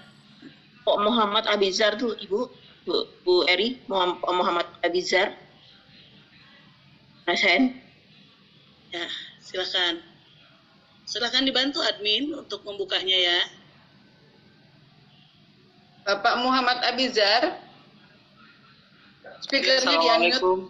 Ya, Assalamualaikum Bu ya. Assalamualaikum. Izin bertanya Bu ya. Uh -huh. uh, bagaimana cara jalannya sebelum kita ketemu guru mursyid itu kita ada amalan apa Bu ya sebelum kita mau cari guru mursyid? Iya, iya. Ini sudah sering ditanyakan juga ya. Min sa'adatil mar'i kata Nabi dalam hadis Imam Ibnu uh, Imam Tirmizi hadisnya sahih kasratu istikharatihi ila Allah fi amrinya. Ciri-ciri orang sukses berguru, bekerja, menikah, dia banyak istikharah. Jadi istikharah itu bukan sekali. Terus uh, apalagi ma khaba man istakhara wa la nadima man istashara. Dalam ungkapan para ulama, ini bukan hadis ya. Tidaklah merugi orang yang istikharah, tidaklah menyesal orang yang bermusyawarah. Bermusyawarah minta nasihat. Jadi lakukan istikharah sebanyak-banyaknya lah, mungkin tujuh kali atau tujuh hari. Lalu kemudian uh, berdoa kepada Allah agar Allah memilihkan guru buat kita agar kita betul-betul mengenal Allah Subhanahu wa taala. Dan yang terakhir baru kemudian kita bertanya kepada ahlinya. Jangan bertanya kepada musuh musuh dari orang yang yang mengajarkan ma'rifatullah ya. Ini malah jadi jadi masalah nanti ke depan. Itu barangkali ya. Jadi istikharah musyawarah. Insya Allah nanti dimudahkan jalannya oleh Allah Subhanahu wa taala. Ya jangan cuma searching di YouTube aja ya. Itu belum tentu benar. Yang nongol-nongol di YouTube apakah itu saya atau siapa pun itu belum tentu e, menunjukkan kelayakan jadi guru. Siapa tahu guru itu nggak terkenal siapa tahu guru itu orang biasa. Wallahu alam hanya Allah yang tahu ya. Baik e, ada dari Bu Nail Alamin pada subuh hari ini kita akan lanjutkan pembahasan tentang al-ism dan lebih khusus lagi pembahasan tentang al-asma al-husna. Uh, Bapak Ibu sekalian, pembahasan tentang asma husna ini ilmu paling dalam sebenarnya. Ini paling penting dipahami. Kalau ini tidak terpahamkan beribadah itu tidak nikmat. Tapi kalau ini dipaham, maka beribadah itu tak nikmat. Jadi, tapi ini memang butuh kesabaran untuk bisa memahaminya. Butuh kesabaran. Uh, baik kita coba ya jelaskan semampu saya. uh,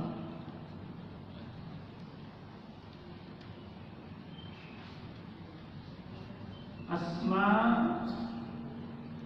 al-husna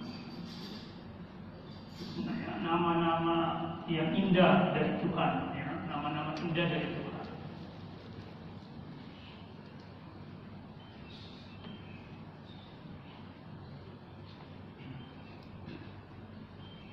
ya. Yang saya jelaskan pekan lalu itu tidak kurang dari uh, 99 asma. Tidak kurang dari sini. Berarti dia lebih.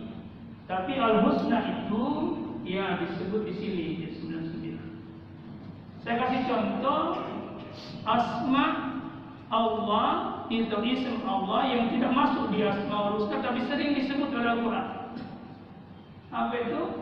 Roh. Ya kan? Roh itu banyak sekali di dalam Al-Quran.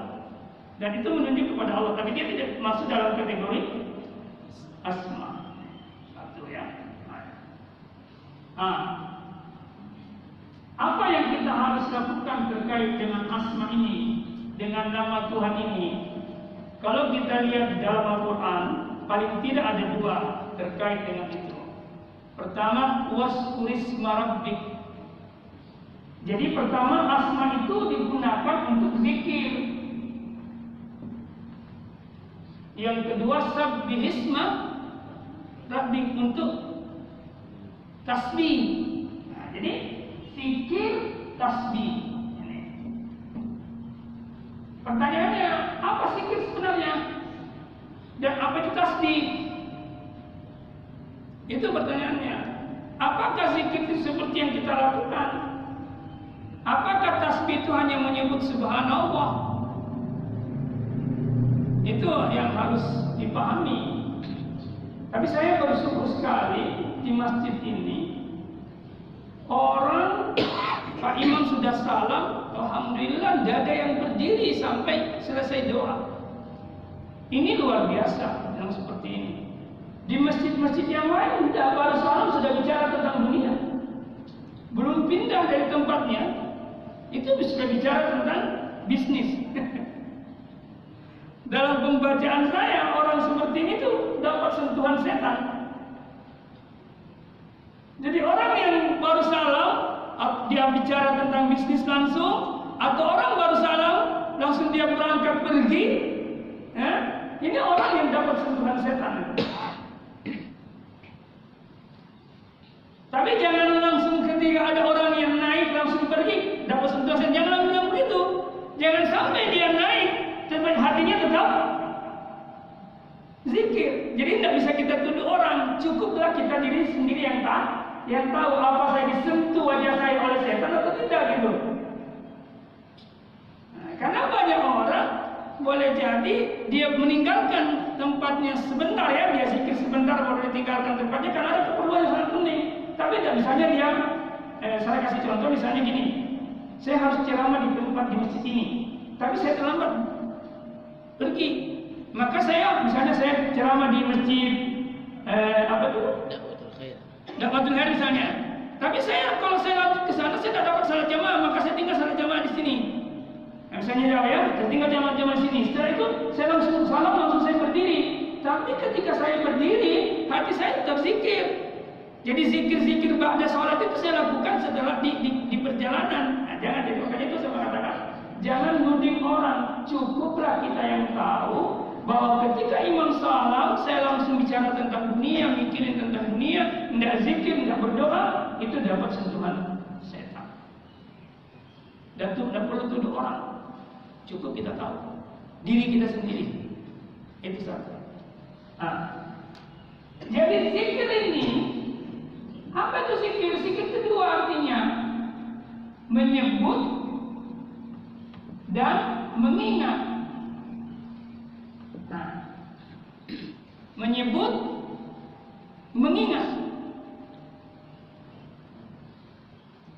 Intinya di mana?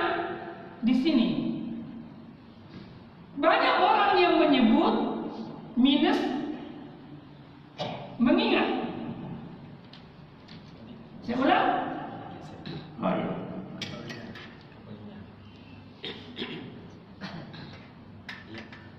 Ya. Jadi banyak orang yang menyebut asma Allah minus mengingat. Ya kan? Kalau kita menyebut apa yang siapa yang menyebut? Lidah kita yang menyebut Allah. Oh, tapi pikiran dan hati kita tidak di situ. Itu namanya dia menyebut tapi tidak mengingat.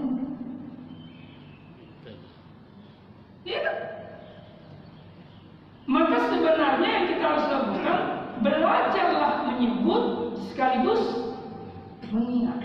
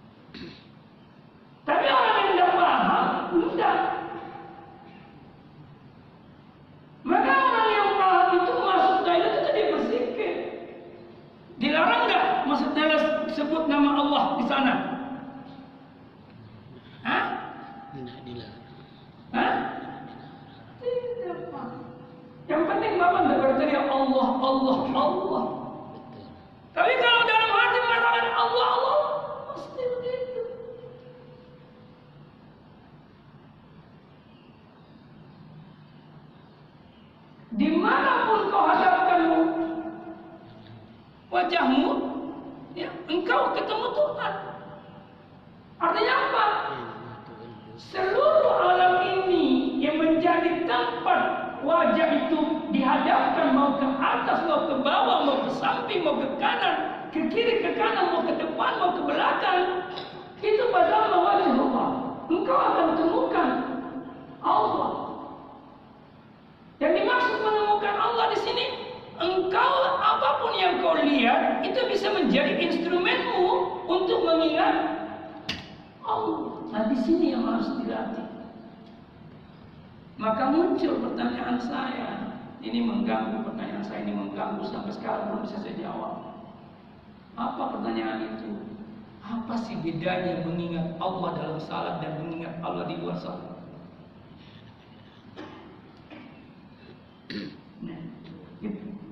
Mengingat Allah di dalam salat dan mengingat Allah ketika setelah saya selesai.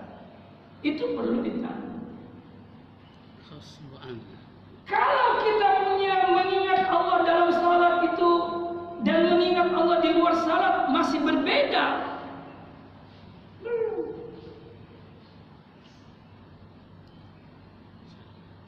Belum. Coba kita lihat keseharian kita. Yang mana Bapak khusyuk ketika salat atau ketika berdoa? Eh? Ketika ber berdoa. Kenapa Bapak lebih khusyuk mengingat Allah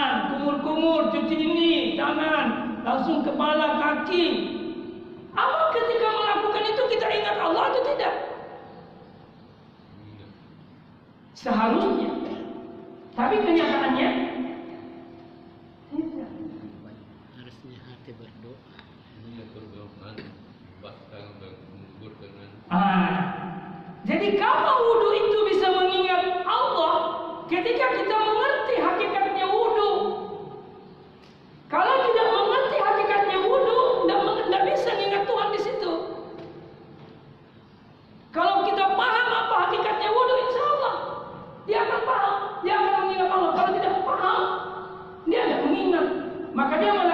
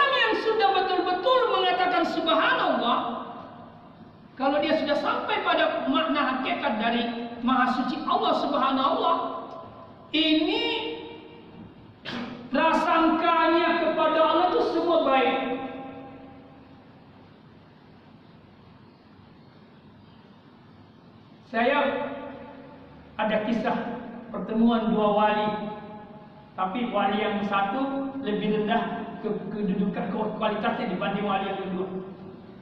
Tapi kelebihannya wali yang satu itu gini, dia bisa mampu melihat orang apa yang terjadi ke depan. Jadi orang itu hal kalau ketemu dengan dia khawatir.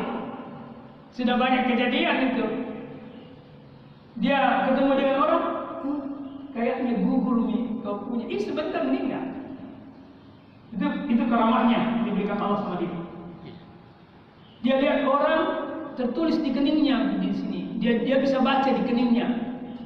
apa yang akan terjadi pada orang itu?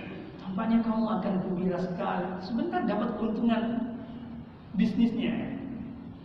Tapi suatu ketika dia mimpi ketemu bapaknya dan disuruh berguru kepada Kiai Tawakal namanya. Kiai Tawakal ini. Tapi ketika dia sudah mencari Kiai Tawakal singkat cerita, dia mencari Kiai Tawakal orang nggak tahu bahwa dia Kiai. Dia tersembunyi, ke kewaliannya tersembunyi. Jarang orang tahu. Maka namanya di sini bukan kiai dipanggilkan, nama biasa saja. Tapi ketika dia bertemu dengan sang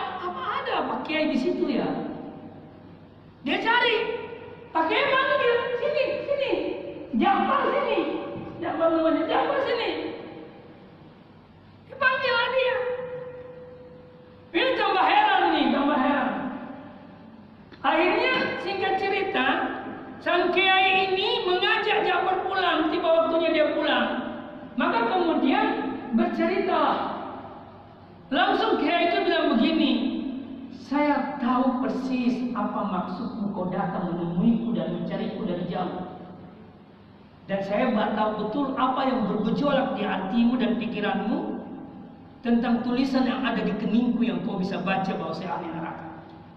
Singkat cerita, sang kiai itu berkata begini, mau saya ahli neraka, mau saya ahli surga itu bukan urusan saya, itu urusannya Allah.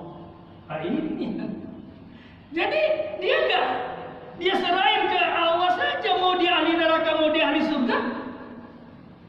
Allah enggak ada urusan saya, itu urusannya Allah. Sejak itu Bapak sekalian, ketika sang kiai yang Kiai Ja'far ini kembali ke kampungnya setelah dia ketemu dengan ini dan dapatkan penjelasan yang dalam, sang kiai ini tidak lagi mau membaca apa yang dikeningnya orang meskipun tidak mau lagi. Kenapa? Karena kalau saya baca di keningnya bapak, ahli bapak ahli sholat, ya, Dia yang menentukan.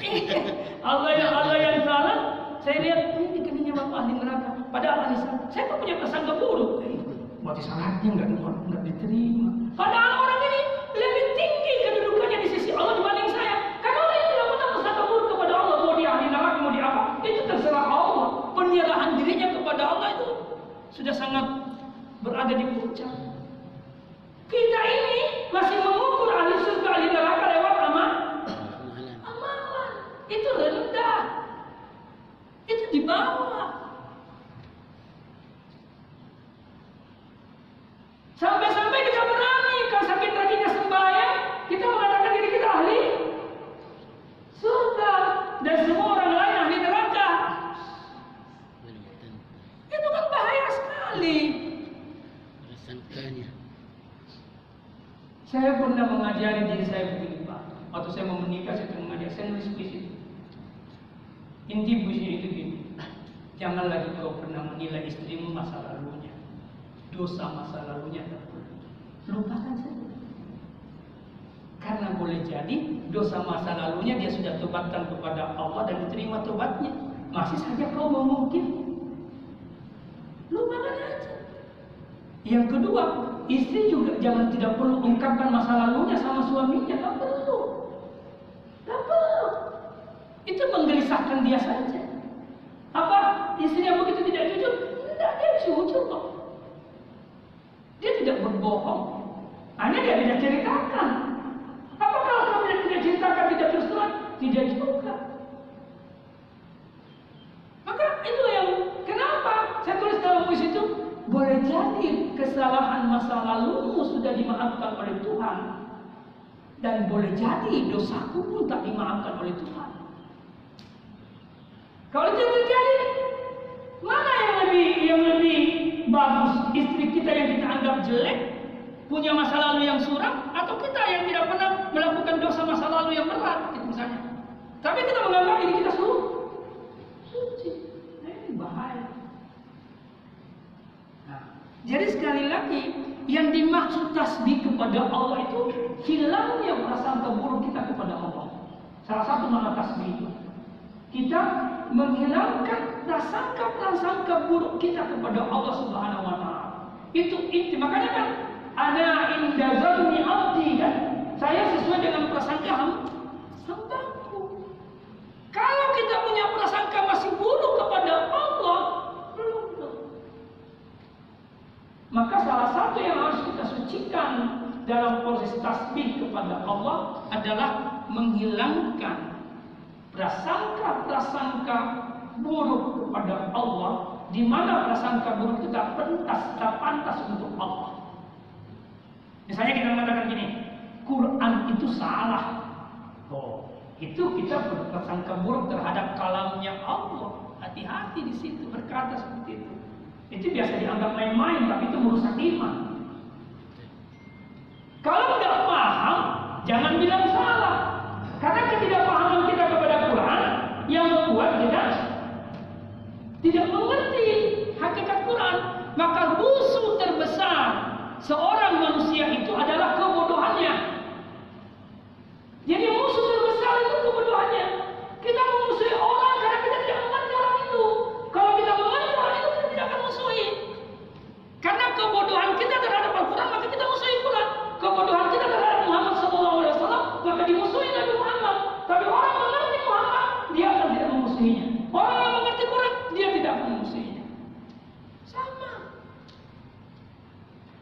Ini. Kebodohan kita lah yang mengangkat kita memusuhi orang lain. Nah, jadi sekali lagi terkait dengan asma Allah itu zikir dan tasbih itu dua yang disebut Quran. Ya, Quran. Maka berzikirlah dan bertasbihlah. Tasbih itu tanzih. Tasbih itu adalah mensucikan Allah dari sesuatu yang tidak pantas untuknya. Nih, itu tasbih intinya. Kalau di subhanallah itu tasbih itu bagian dari zikir. Eh, subhanallah itu zikir. Alhamdulillah zikir. Allahu akbar zikir. Apa beda apa intinya subhanallah tadi sudah saya jelaskan. Allah alhamdulillah apa intinya? Eh? Kalau sudah baca Alhamdulillah baca apa Ustaz? Sebelum Allahu Akbar. Sebelum Allahu Akbar. Hah? Sebelum? Al Alhamdulillah. Ala kulli ha? Ala kulli halin ya? Apa Ustaz? Alhamdulillah kulli halin matin. Itu Alhamdulillah kulli hal nikmat. Ini kalimat, ini doa. Kenapa nih baca doa Alhamdulillah ala kulli hal? Alhamdulillah ala kulli hal ala kulli halin wa nikmatin. wa nikmah. Kenapa ini dibaca? Antara setelah kita membaca Alhamdulillah untuk lalu maju ke Subhanallah. Eh, eh, Allahu Akbar ya. Ya. Subhanallah. Baru masuk ke Allahu Akbar. Ini kalimat doa sebenarnya ini Pak. Ini kalimat doa yang diajarkan Nabi. Kalau kamu lagi dalam kesulitan, maka bacalah Alhamdulillah ala kulli. Kenapa disambung nikmat? Karena sebenarnya kesulitan itu kalau dia disandarkan kepada Allah itu jadi nikmat. Nih.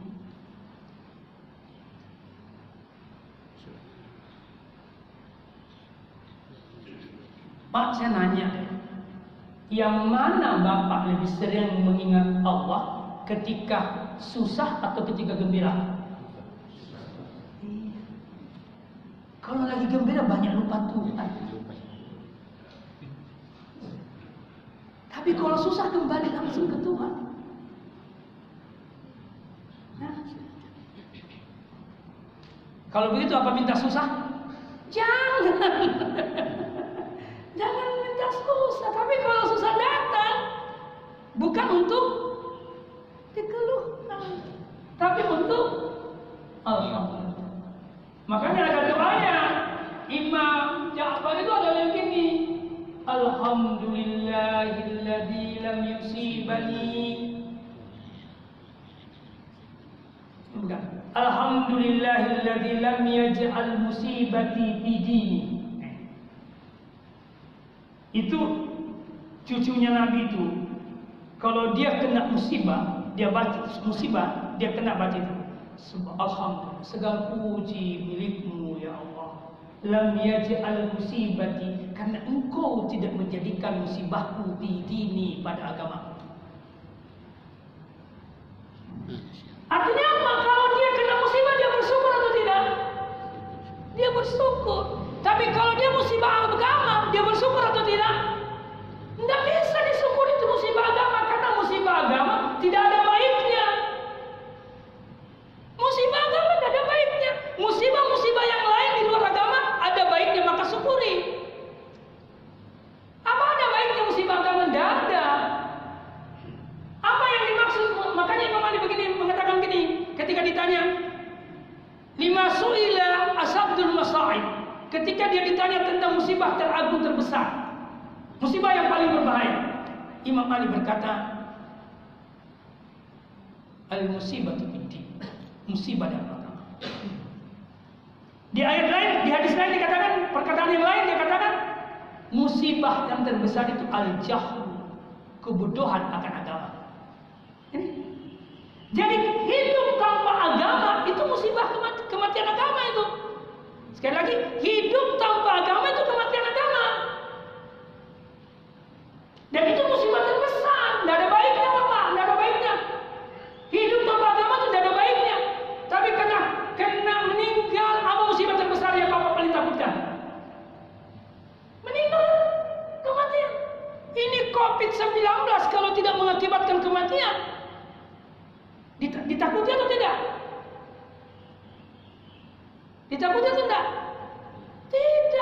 Tapi karena dia menyebabkan menjadi keadaan orang mengalami kematian, maka dikhawatirkan. Maka sebenarnya ketakutan yang tertinggi pada diri seseorang adalah ketika menghadapi kematian. Dan memang hidup terberat itu di kematian. Makanya disebut sakarat. Nih, sakarat itu apa? Memabukkan, mabuk menghadapi kematian. Itu terberat. Khususnya mereka orang yang kafir. Maka orang yang hidup tanpa agama musibah terberat. Itu namanya ke, istilah saya kematian agama. Maka cucu Nabi mengatakan segala puji milikmu ya Allah yang menjadikan musibahku tidak dalam agama. Imam Ali dalam konteks yang lain mengatakan begini, "Idza nazalal musibah" Kalau musibah itu mengenai dirimu, biarlah eh, mengenai turun musibah itu biarlah dia mengenai hartamu bukan dirimu. Itu dia mengenai hartamu bukan dirimu. Lalu dia mengatakan, kalau musibah itu lagi bencana turun kepadamu, biarlah dia mengenai dirimu. Yang penting bukan agama. Lalu dia mengatakan, Fa'lamu. Ketahuilah, orang yang binasa itu yang binasa agamanya. Nah, ini. Yang begitu.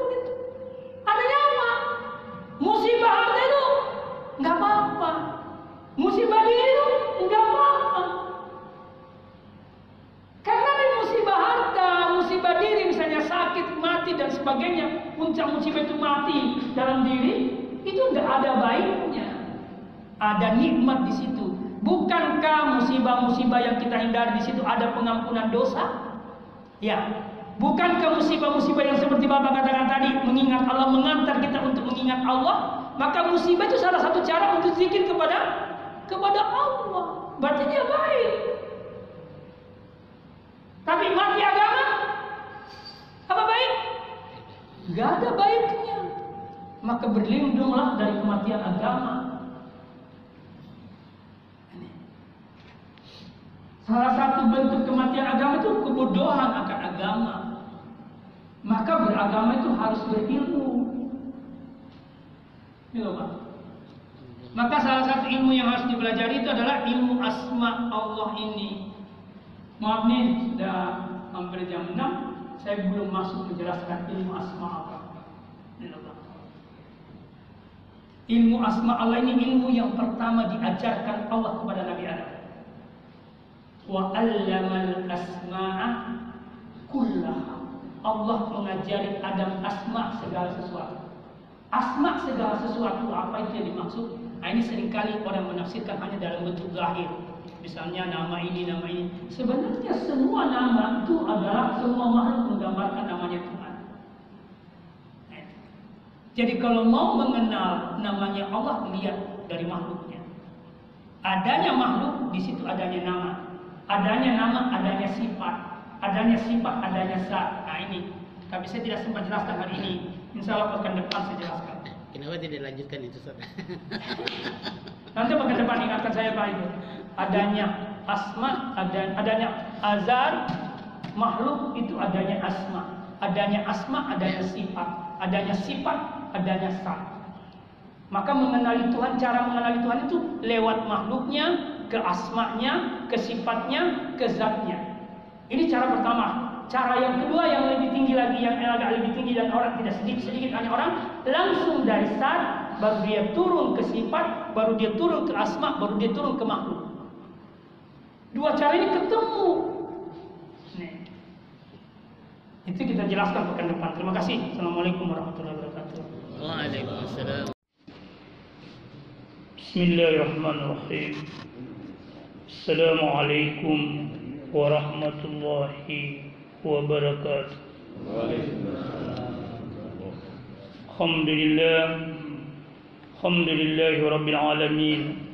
الصلاة والسلام على رسول الكريم سيدنا ومولانا وحبيبنا محمد وعلى آله الطيبين الطاهرين وعلى أصحابه ومن تبعهم إلى يوم الدين. أما بعد.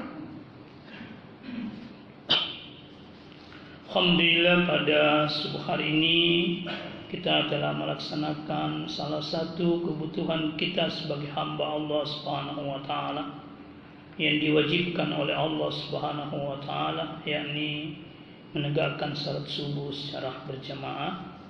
Dan Allah juga memberikan kita kesempatan untuk mentadaburi ayat-ayat Allah Subhanahu wa taala duduk mendengarkan uh, tadabbur atau belajar ayat-ayat Allah itu salah satu rahmat Allah yang terbesar yang diberikan oleh seorang hamba. Jadi kalau kita sudah melihat orang ke masjid salat subuh itu petanda bahwa orang itu dirahmati Allah. Dan jangan pernah berpikir negatif terhadap orang itu. Satu. Kalau ada orang yang sudah diberi kesempatan oleh Allah untuk duduk mempelajari ayat-ayat Allah, itu juga sudah petanda bahwa orang itu dirahmati Allah. Maka jangan pernah berprasangka buruk terhadap orang seperti itu selalulah berkesangka baik meskipun boleh jadi kelihatannya dia masih melakukan sesuatu yang menurut kita tidak baik. Jadi kalau dia melakukan sesuatu yang menurut kita tidak baik, yakinkan diri kita bahwa sebentar secepat itu dia akan bertobat kepada Allah.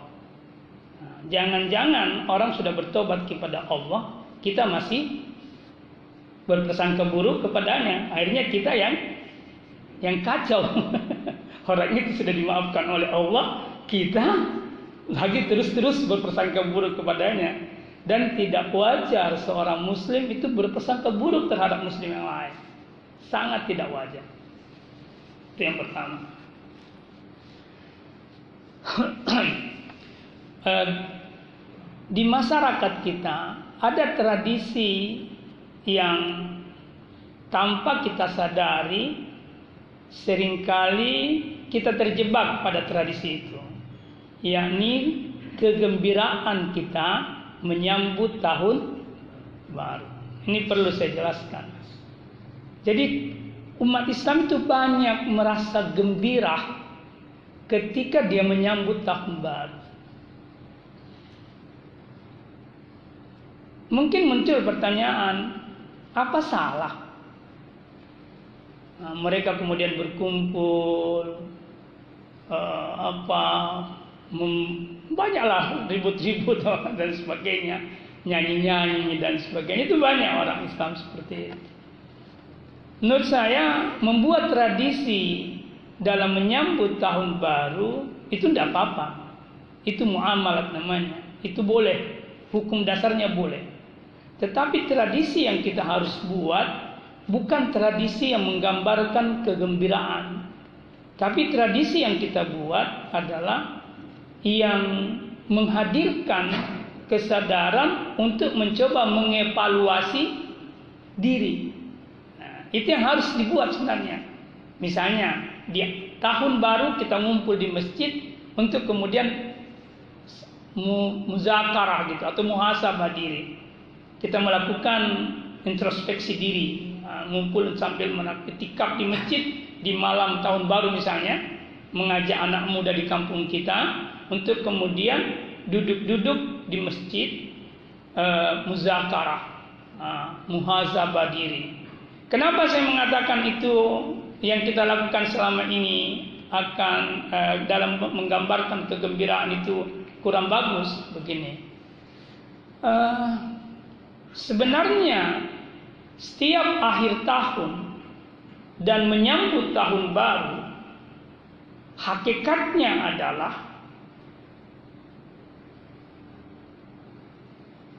maknanya bayang-bayang kematian. Jadi sebenarnya setiap tahun akhir tahun itu dan setiap datang tahun baru itu kita berkurang dan semakin mendekati batas waktu yang Tuhan telah tentukan. Nah, misalnya kita sudah berumur 50 sampai antara 50 atau 40 sampai 60 tahun. Anggaplah takdir Tuhan terhadap waktu kehidupan kita itu 63 tahun. Kalau umur kita 52 tahun, berarti sisanya sisa umurnya berapa? 11 tahun. Kalau di tahun 2021 dia 11 tahun seumurnya, masuk di tahun 2022 berarti tinggal 10 tahun. Lalu dalam tinggal 10 tahun itu dosanya lebih banyak daripada kebaikannya bergembira tidak? Hah? Wajar tidak kita bergembira? Tidak. Kalau dosanya lebih banyak daripada kebaikannya, wajar tidak tidak ber, kita bergembira? Tidak sekali, sama sekali tidak wajar. Mestinya menangis. Dan dosa itu ada dosa yang halus, ada dosa yang kasar, dosa yang tampak. Ada orang yang dosa kasarnya saja lebih banyak dibanding dibanding kebaikan kasarnya, gitu ya. Maksudnya dosa kasar itu dosa yang tampak gitu. Misalnya apa? Dia mencuri, dia berzina, dan sebagainya. Itu dosa-dosa kasar itu, dosa-dosa yang secara syariat memang haram hukumnya. Tetapi ada dosa halus, dosa yang batin. Dia pembohong, tukang iri, tukang dengki, uh, buruk sangka sama orang. Itu semua dosa batin. Boleh jadi ada orang yang dosa kasarnya sudah berkurang bahkan boleh jadi jarang sekali dia melakukan dan tidak pernah dia lakukan tapi dia ber, berkumpul atau menenggelamkan diri dalam dosa batin. Apa dia butuh taubat? Iya dia perlu taubat. Dia harus taubat dari dosanya suka berdusta. Dia harus taubat dari dosanya suka iri hati sama orang dia sudah harus ber, bertobat dari dosanya yang suka cerita keburukan orang lain yang suka dendam kepada orang itu harus ditobatkan. Karena sesungguhnya dosa batin ini jauh lebih berbahaya dibanding dosa yang kasar. Nah sekarang mestinya yang dilakukan di akhir tahun itu adalah mencoba merenungkan itu semua. Dan kalau kita melakukan itu, maka yang akan hadir pada diri kita dua Bapak sekalian.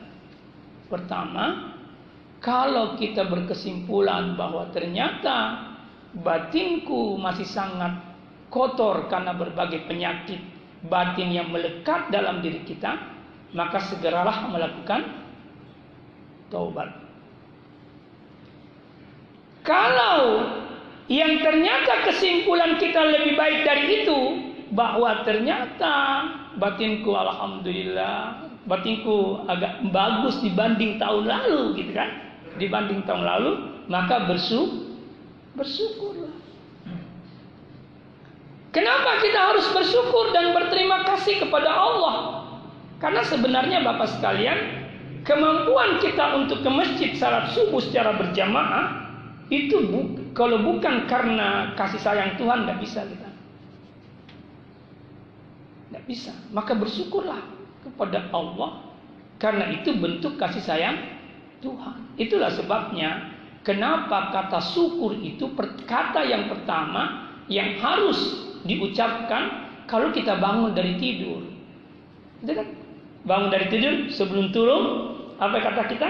Alhamdulillah alladzi ahyana ba'dama amatana wa ilaihin nusur. Doa ini mengajarkan tiga hal yang paling utama kepada kita Pertama, sambutlah kehidupan barumu. Nah, sangguplah kehidupan, sambutlah kehidupan barumu. Di hari itu, di subuh itu dengan ucapan Alhamdulillah. Segala puji milikmu ya Allah. Engkau masih memberi saya kesempatan hidup. Untuk apa saya memberi engkau beri saya kesempatan hidup? Untuk taat kepadamu.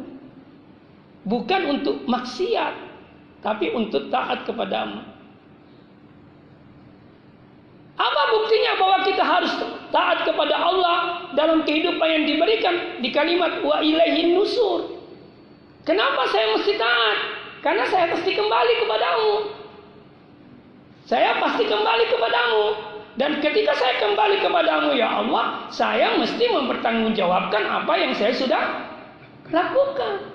Maka ketika orang bersyukur kepada Allah di awalnya, maka terbetiklah dalam pikiran dan hatinya bahwa saya bentuk kesyukuran saya kepada Allah atas seluruh nikmat yang diberikan kepadanya kepada saya termasuk nikmat kehidupan itu taat kepadanya supaya ketika saya kembali kepada Allah saya dikategorikan orang kelompok yang yang taat jadi ketika kita bangun tidur itu yang harus ada di pikiran kita dan di hati kita tekad untuk menegakkan agama Allah. Ya, saya sudah pernah jelaskan kayaknya ini ya. Ayat itu di surah Ar-Rum itu menarik sekali. Ayat 43. Di situ disebut Fa'akim wajhaka dinil kaim. Maka hadapkanlah wajahmu secara total kepada agama Allah yang lurus. Min qabli ayyatiya yaumul la maraddalah min Allah. Sebelum datangnya hari di mana hari itu tidak bisa kau tolak. Hari apa yang dimaksud? Ada dua hari yang dimaksud di situ. Yang paling dekat dengan kita hari kematian kita. Ada yang bisa menolak hari kematiannya? Ada enggak tidak ada yang bisa menolak hari kematiannya. Maka Tuhan mengatakan, eh, tegakkan memang mi agamaku wahai hambaku sebelum kau mati.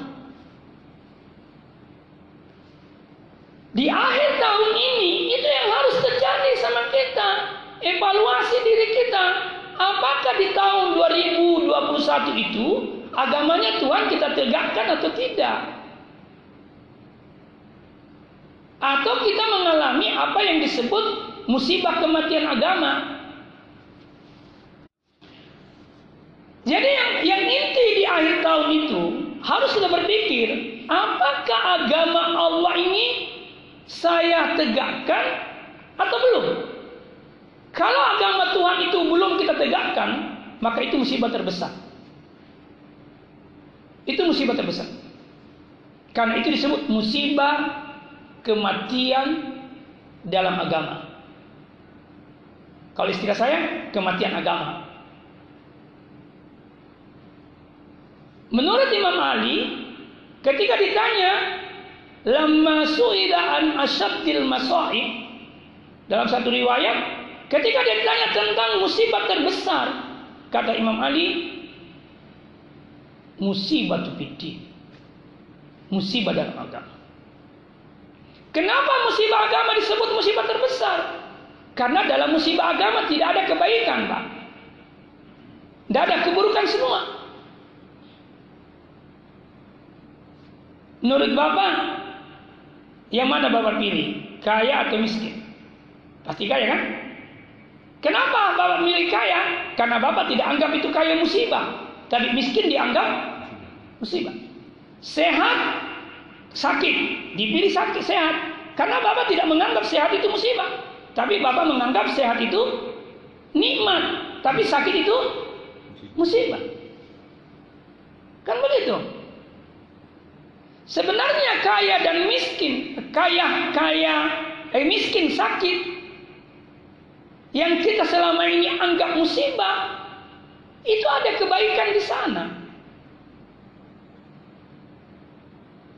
Yang jarang kita baca, yang jarang kita hadirkan. Apa kebaikannya?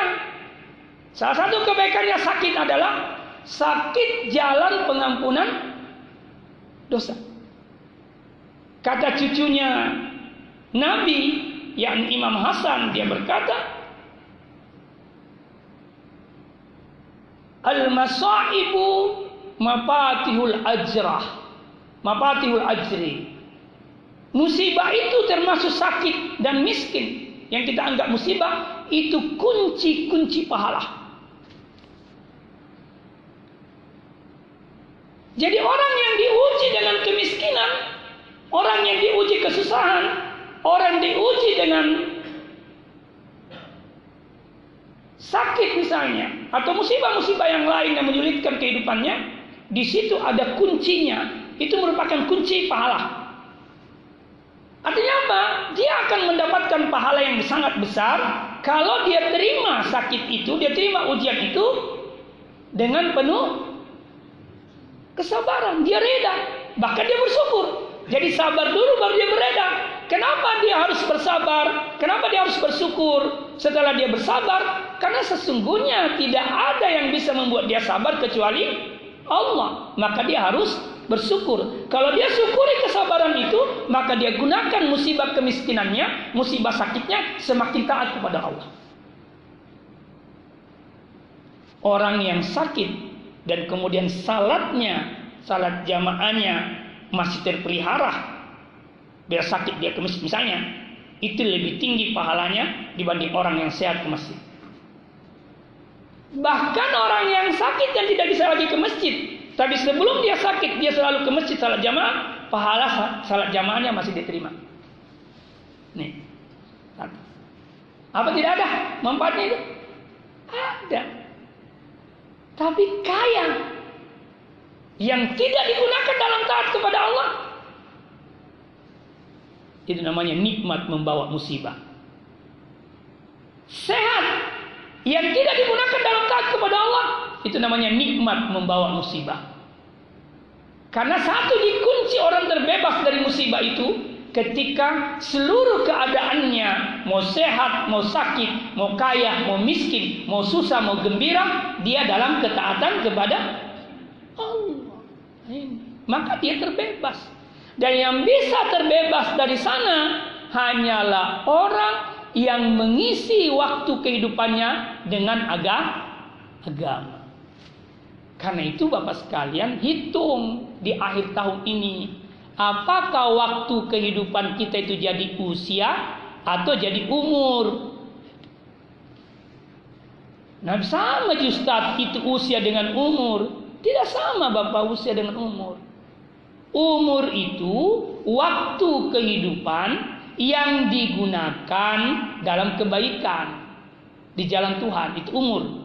Atau umur itu waktu kehidupan yang dimakmurkan. Usia, waktu kehidupan yang disia-siakan. Yakni waktu kehidupan yang tidak digunakan dalam taat kepada Allah. Waktu kehidupan yang digunakan menegakkan agama itu jadi umur. Waktu kehidupan digunakan mengurus agama itu umur. Waktu kehidupan digunakan tidak taat kepada agama itu usia. Sekarang hitung umur kita 70 tahun, 60 tahun misalnya, berapa eh, waktu kehidupan yang kita sudah jalani, waktu kehidupan yang sudah kita jalani sudah 50 tahun, berapa yang jadi usia, berapa yang jadi umur. Hitung, Pak. Hitung tuh. Kalau kesimpulan kita 42 tahun usia, eh? 42 tahun usia dan hanya 10 tahun yang jadi umur, maka tobatkan. Ditobatkan di sini, maka 42 tahun itu semuanya menjadi umur, tidak menjadi usia lagi. Karena sudah di, dicuci dengan tahu Taubat. Jadi Tuhan itu maha kasih. Maka seluruh keburukan kita dihapus. Bukan saja dihapus. Ditambah. Dengan keba diganti dengan kebaikan. Ini masalahnya. Nah, kalau ini yang terjadi, maka kita pantas bergem bergembira karena kita kembali kepada Allah. Tapi kalau sebaliknya yang terjadi di akhir tahun ini, kita bergembira dalam kesadar dalam kesadaran dosa kita, kita bergembira dalam keadaan kita berdosa kepada Allah. Ini yang dimaksud ayat man utiya kitabahu wa ra'a zahrihi Barang siapa yang diberikan catatan amalnya di hari kemudian lewat belakang punggungnya, yad'u zubura wa yasra sa'ira. Dia berteriak nanti, celaka aku, celaka aku. Wayasla sa'ira. Lalu dilempar ke neraka sa'ir. Kenapa? Innahu kana fi ahlihi masura. Karena ketika dia hidup di dunia, dia bergembira dalam keadaan berdosa. Dia bergembira dalam keadaan berdosa.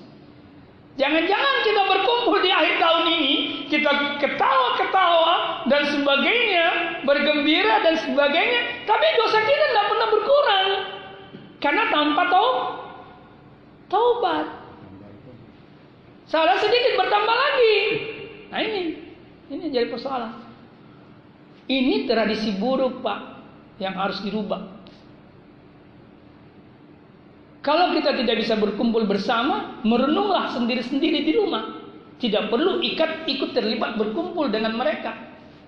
Apa tidak boleh bakar-bakar ikan? Boleh. Silahkan bersedekah. Tapi ingat, dalam proses bakar-bakar ikan itu nggak ada maksiat. Tidak ada kelalaian. Tidak ada kelalaian. Apa pun tidak boleh ketawa, boleh. Tapi jangan banyak ketawa. Yang perlu adalah banyak merenung. Karena kasratul dahil tumitul qalb. Banyak ketawa itu mematikan hati. Dan kecelakaan terbesar dalam kehidupan ini kalau hati kita ini sudah mati. Apa penyebabnya kematian hati tadi itu? Ada zik, ada sifat kikir di situ, ada iri hati di situ, ada sifat dendam di situ, ada kalau muncul sifat-sifat buruk dalam hati itu nokta hitam. Itu namanya nokta hitam penyakit-penyakit hati. Susah cahaya masuk orang punya hati seperti itu. Dan kalau orang sudah kehilangan cahaya hatinya, maka kehilangan seluruh cahayanya. Kehilangan seluruh cahayanya. Nih, jadi di sini harus berhati-hati. Saya kembali ke ayat yang tadi, kematian agama ya. Jadi kematian agama itu bahaya sekali Bapak sekali. Sekali lagi kematian agama itu bahaya. Ini paling bahaya. Itulah sebabnya Imam Ali pernah berkata, kalau kau kena musibah, maka biarlah musibah itu terjadi pada hartamu, jangan pada dirimu. Itu. Jadi musibah itu kalau terjadi sama harta dibanding diri, biarlah dia terjadi di harta, jangan di diri. Dari kaya menjadi miskin. Misalnya seperti itu. Dari kaya menjadi miskin itu kan musibah yang terhadap dari yang tercipta dari yang terjadi di harta. Enggak apa-apa, enggak ada masalah. Nah, yang penting tidak jadi tidak terjadi pada diri. Tapi Imam Ali bilang, kalau terjadi musibah itu pada dirimu, biarkan. Yang penting tidak pada agamamu. Ya kan? Yang penting tidak pada agamamu. Maka cucu Nabi berdoa. Apa doanya? Ketika kena dia musibah dia berdoa gini. Alhamdulillahilladzi lam yaj'al musibati fi dini. Segala puji bagi Allah. Jadi dia memuji Allah. Dia sakit dia memuji Allah. Dia susah dia memuji Allah. Tapi dia sambung. Lam yaj'al musibati fi dini. Karena dia tidak menjadikan musibah dalam hidup itu pada musibah agama. Kenapa dia bersyukur kepada Allah ketika dia mendapatkan musibah selain musibah agama? Karena dalam musibah yang selain musibah agama itu banyak kebaikan di sana. Banyak rahmat Tuhan di sana, pengampunan dosa, pendekatan diri kepada Allah lebih cepat. Saya mau tanya Bapak sekalian, siapa yang paling cepat kembali kepada Allah pada saat Bapak gembira atau pada saat Bapak susah? Hah? Susah. Kalau Bapak susah langsung ingat Allah. Kira-kira kalau misalnya naik pesawat, tiba-tiba pesawat ngegoyang, sebut siapa? Dan tadi mulai dari rumah berangkat ke bandara, bandara ke naik pesawat tidak pernah ingat Tuhan. Semua pakai AC, semua dalam keadaan nyaman. Tapi ketika 5 menit, 10 menit di atas pesawat, pesawatnya goyang, langsung bilang Allah, padahal tadi lupa. Ini. Dalam kegembiraan kita lebih banyak melupakan Tuhan daripada mengingatnya. Tapi dalam keadaan susah, kita langsung connect dengan Tuhan. Maka musibah mengantar kita untuk mengingat Allah. Lalu begini, ada yang ber, apa mungkin ada yang kalau begitu lebih bagus kena musibah. Jangan juga begitu. Jangan juga begitu. Tidak juga begitu. Tapi musibah itu jalan menuju Tuhan. kecuali musibah kema kematian aga agama. Musibah kematian agama itu paling bahaya dan itu betul-betul rusak. Tidak ada kebaikan sana. Tidak ada kebaikan di sana. Tidak ada. Tidak ada keberkahan di sana kalau orang kena musibah agama. Tidak ada sama sekali. Tapi kalau musibah-musibah yang lain ada. Itulah sebabnya kalau kita berdoa setelah kita berzikir subhanallah tiga puluh kali uh, alhamdulillah kan? Tapi kan sebelum di akhir alhamdulillah zikir alhamdulillah kita baca apa? Alhamdulillahi ala kulli halin wa ni wa ni'mah. Kemudian langsung Allahu Akbar. Artinya apa? Kenapa alhamdulillah? Alhamdulillah saja 33 kali dan setelah itu kita sambung alhamdulillahilladzi alhamdulillahi ala kulli halin wa ni'mah hanya satu kali. Itu isyarat bahwa ternyata kebahagiaan, kenikmatan itu lebih banyak menjadi ujian bagi kita, maka kita harus syukuri. Tapi ujian kesusahan itu sedikit dibanding ujian kenikmatan. Maka ketika engkau diuji dengan kesusahan, maka bacalah Alhamdulillahi ala kulli halin. Kata Nabi. Baca. Alhamdulillah ala kulli hal. Segala puji milikmu ya Allah, meskipun saya susah. Karena di dalam kesusahan ini ada keba kebaikan, maka ambillah kebaikan itu. Nih. Jadi saya lagi saya ingin katakan dalam hidup ini merenung itu, merenungi kesalahan, melihat ke dalam diri itu kegiatan yang harus selalu kita lakukan Bapak. Jangan selalu melihat orang lain. Tak usah. Lihatlah kekurangan diri kita. Jangan mi kebaikan kita lihat ya. Tak usah. Kebaikannya kita itu urusannya Allah. Allah pasti balas. Yang kita harus selalu evaluasi adalah keburukan kita itu saja. Tak usah sibuk kebaikan kita. Keburukan kita. Tak usah. Dan tak usah sibuk memperbandingkan dirinya Bapak dalam kebaikan dengan orang lain. Tak usah. Karena dua penyakit yang muncul di situ. Pertama, kalau kesimpulannya Bapak sebenarnya saya memperbaiki mem, apa, membandingkan diri saya dengan Ustaz Sukiman dalam kebaikan. Kalau kesimpulannya saya ternyata lebih bagus dari Ustaz Sukiman, maka yang hadir di situ adalah kesombongan dan menganggap Ustaz Sukiman lebih buruk dari saya. Tapi kalau ternyata Ustaz Sukiman lebih bagus dari saya kesimpulannya, maka yang muncul iri, iri hati. Tak usah. Yang harus kita evaluasi keburukan diri kita, keburukan diri kita, khususnya di akhir tahun. Tak usah dibandingkan dengan orang lain. Jangan lagi mengatakan, wah masih banyak orang yang lebih buruk dari saya. Jangan lagi berkata seperti itu. Kalau Bapak membandingkan keburukan Bapak dengan keburukan orang lain dan kesimpulannya Bapak mengatakan ternyata masih banyak lebih buruk daripada saya, Bapak tidak akan pernah berubah. Nah, itu juga yang saya ajarkan pada anak saya. Saya mengatakan kalau kau bergaul, cari orang yang lebih bagus dari kamu, cari orang yang lebih pintar dari kamu. Kenapa? Supaya kamu terus merasa tidak memiliki kelebihan sehingga kau upgrade dirimu. Dia sana bilang, eh kalau begitu kita upgrade diri kita pak. Bilang iya. Kau upgrade dirimu. Tapi kalau kamu berada selalu memposisikan dirimu di atas orang lain, maka kau lupa memperbaiki dirimu, tapi kau selalu mengatakan saya lebih bagus dari orang lain. Maka kamu tidak akan pernah memperbaiki dirimu. Padahal dirimu terlalu banyak kekurang, kekurangan.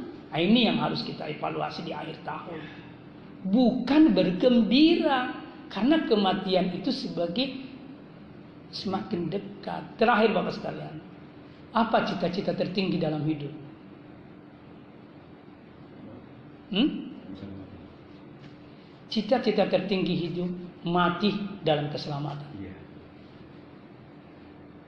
Mati dalam keselamatan. Itu cita-cita tertinggi dari hidup dalam hidup. Mati dalam keselamatan. Maka Nabi itu berdoa, Ya Allah, jadikanlah umatku merindukan kematiannya jadikanlah hambamu merindukan kematiannya kalau dia benar-benar mengakui saya sebagai utusanmu. Ini doanya Nabi. Dari doa ini mengajarkan kepada kita bahwa salah satu ciri orang yang betul-betul beriman kepada Allah, dia merindukan kematiannya, selamat dalam kematiannya sebagai cita-cita tertinggi dalam kehidupannya. Makanya Nabi mengatakan mati itu bagi orang mukmin adalah kenikmatan. Nah, Maka di akhir tahun kita semakin dekat kepada kematian kita, kepada waktu kehidupan kita, wafat kita. Maka tobatkan di situ. Karena kita akan menuju kepada keselamatan. Nah ini kira-kira yang harus kita evaluasi di akhir tahun ini. Yang paling terakhir lagi saya ingin berkata uh, perbanyaklah berzikir kepada Allah Subhanahu wa taala. Zikir itu ada dua Bapak. Zikir itu menyebut dan mengingat. Menyebut dan mengingat. Banyak orang yang menyebut tapi belum tentu mengingat.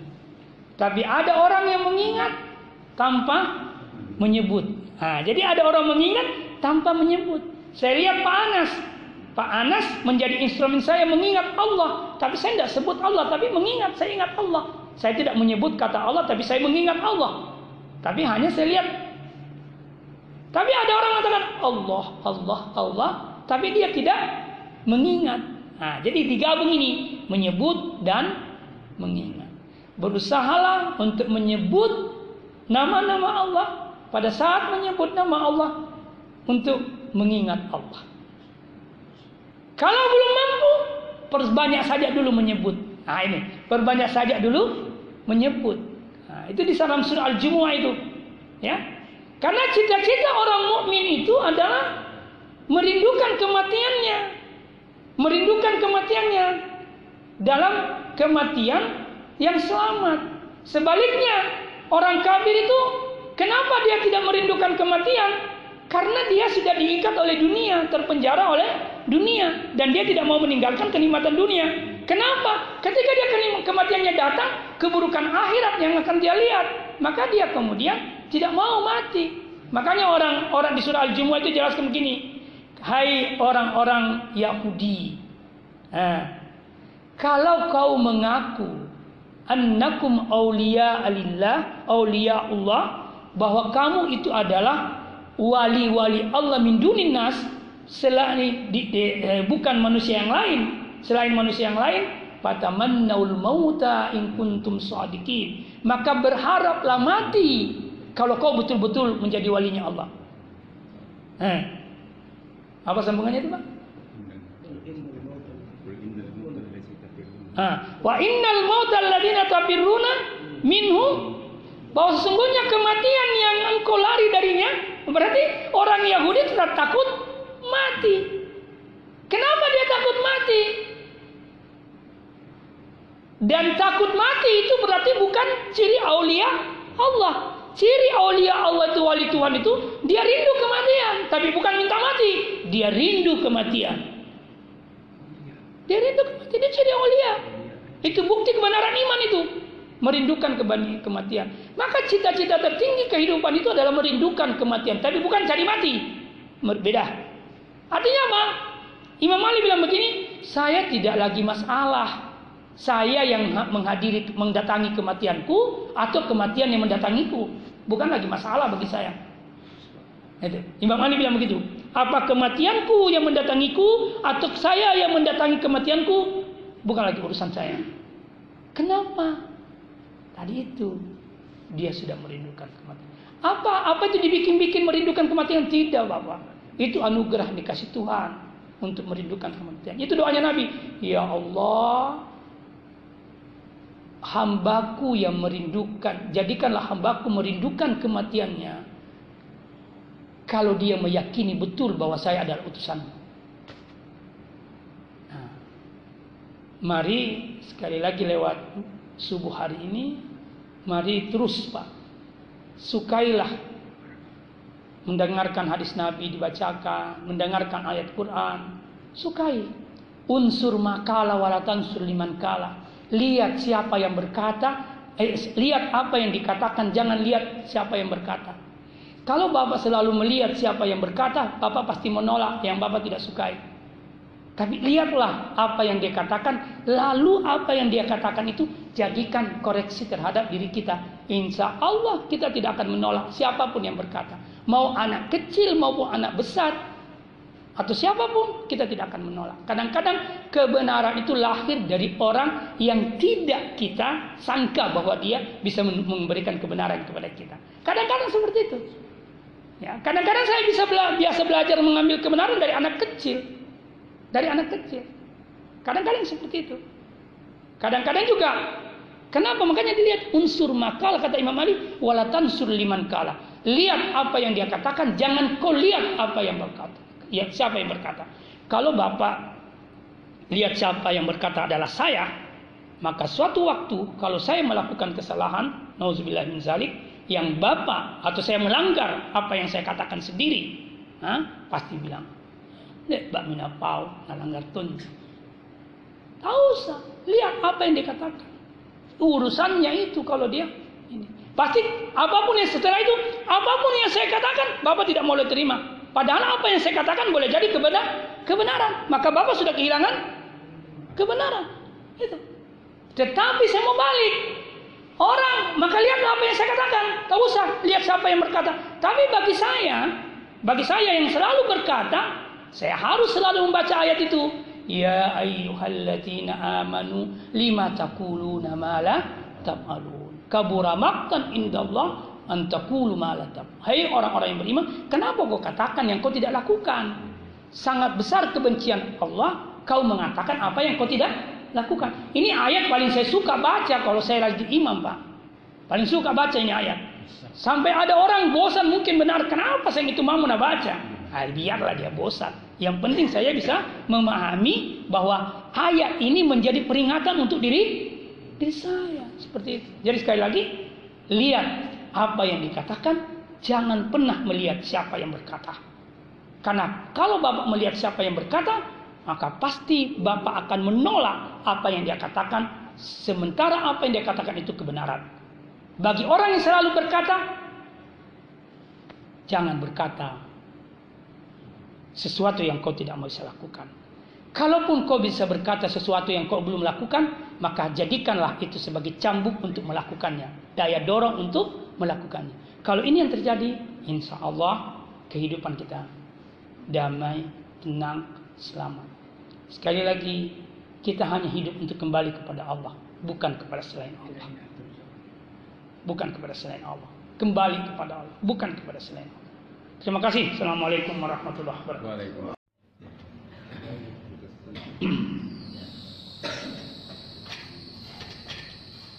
Alhamdulillah Alhamdulillah Rabbil Alamin Salatu wassalam ala Rasulil Karim Sayyidina wa maulana wa habibina Muhammadin وعلى آله وأصحابه ومن تبعهم إلى يوم الدين أما بعد Alhamdulillah pada subuh hari ini kita kembali ditemukan oleh Allah Subhanahu wa taala di majelis yang mulia ini setelah kita menunaikan kewajiban kita sekaligus kebutuhan kita sebagai hamba Allah Subhanahu wa taala yakni salat subuh secara berjamaah. Dan insya Allah kita akan melanjutkan dengan tadaburi ayat-ayat Allah Subhanahu wa taala. Pada pertemuan sebelumnya kita telah membahas tentang asma Allah dan insya Allah pada pertemuan ini masih lanjutan daripada asma Allah tapi dalam pemaknaan sisi yang lain. Kalau pekan lalu atau Jumat lalu kita bahas tentang bagaimana asma Allah dalam kaitannya dengan zikir dan tasbih, maka insya Allah pada kesempatan ini kita akan membahas tentang asma Allah sebagai ilmu yang pertama yang diajarkan Allah kepada makhluk.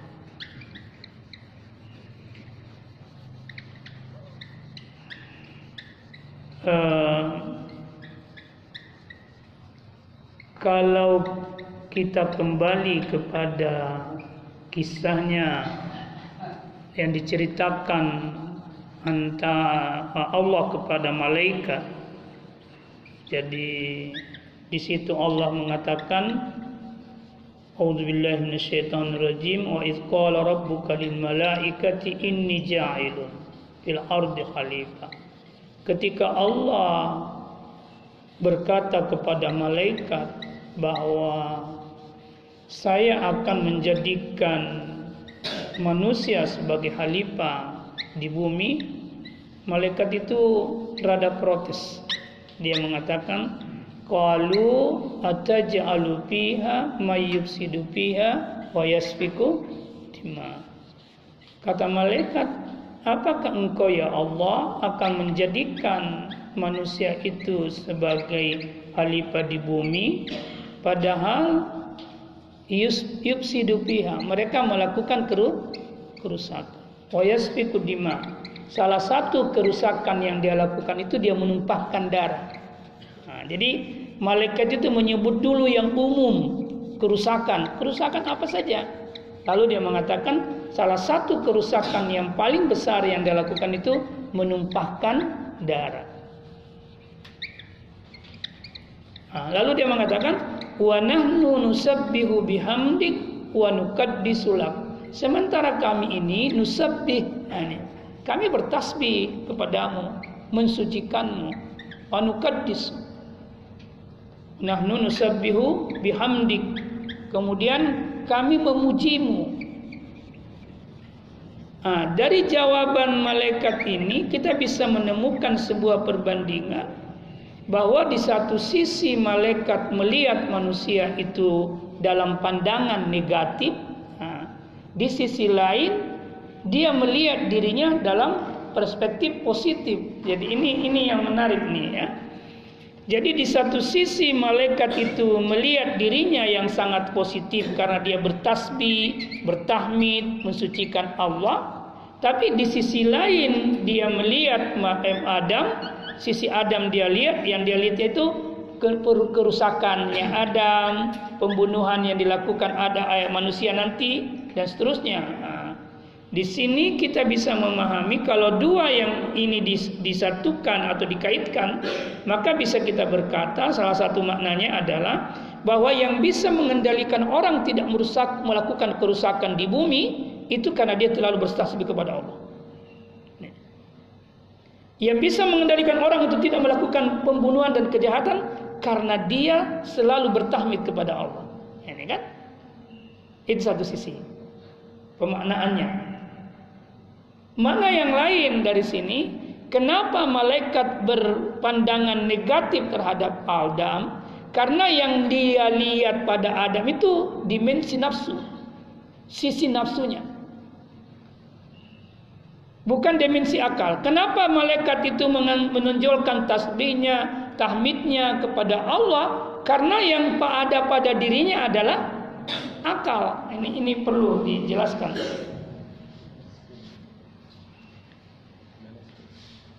Jadi malaikat itu makhluk yang diciptakan Tuhan hanya diberi akal, tidak diberi nafsu.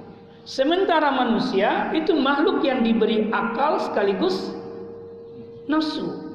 Nah, malaikat ini melihat manusia dari sisi nafsunya. Jadi malaikat melihat manusia dari sisi nafsunya. Nafs. Jadi kata nafsu atau al-hawa gitu ya. Orang sering mengatakan al-hawa. Jadi dia kata hawa nafsunya. Nah, hawa nafsu itu memang kalau dia tidak mendapatkan tuntunan dan petunjuk, maka dia negatif. Ini ada pada manusia, tidak ada pada malaikat. Malaikat. Yang ada pada malaikat itu akal. Akal itu secara substansi dia pasti menuju kepada yang positif. Kenapa dinamai akal? Karena akal bisa membedakan karena akal mengikat hawa nafsu. Jadi akal itu ikatan. Apa yang dia ikat oleh akal hawa nafsu. Ketika akal itu sudah mengikat hawa nafsu, maka hawa nafsu ini ke hal yang positif. Jadi kalau akal mengikat hawa nafsu, maka hawa nafsu itu bisa digunakan pada hal yang positif. Tapi kalau dia tidak diikat oleh akal, maka hawa nafsu itu berujung pada hal yang negatif. Nah, malaikat melihat sisi Adam pada sisi ini.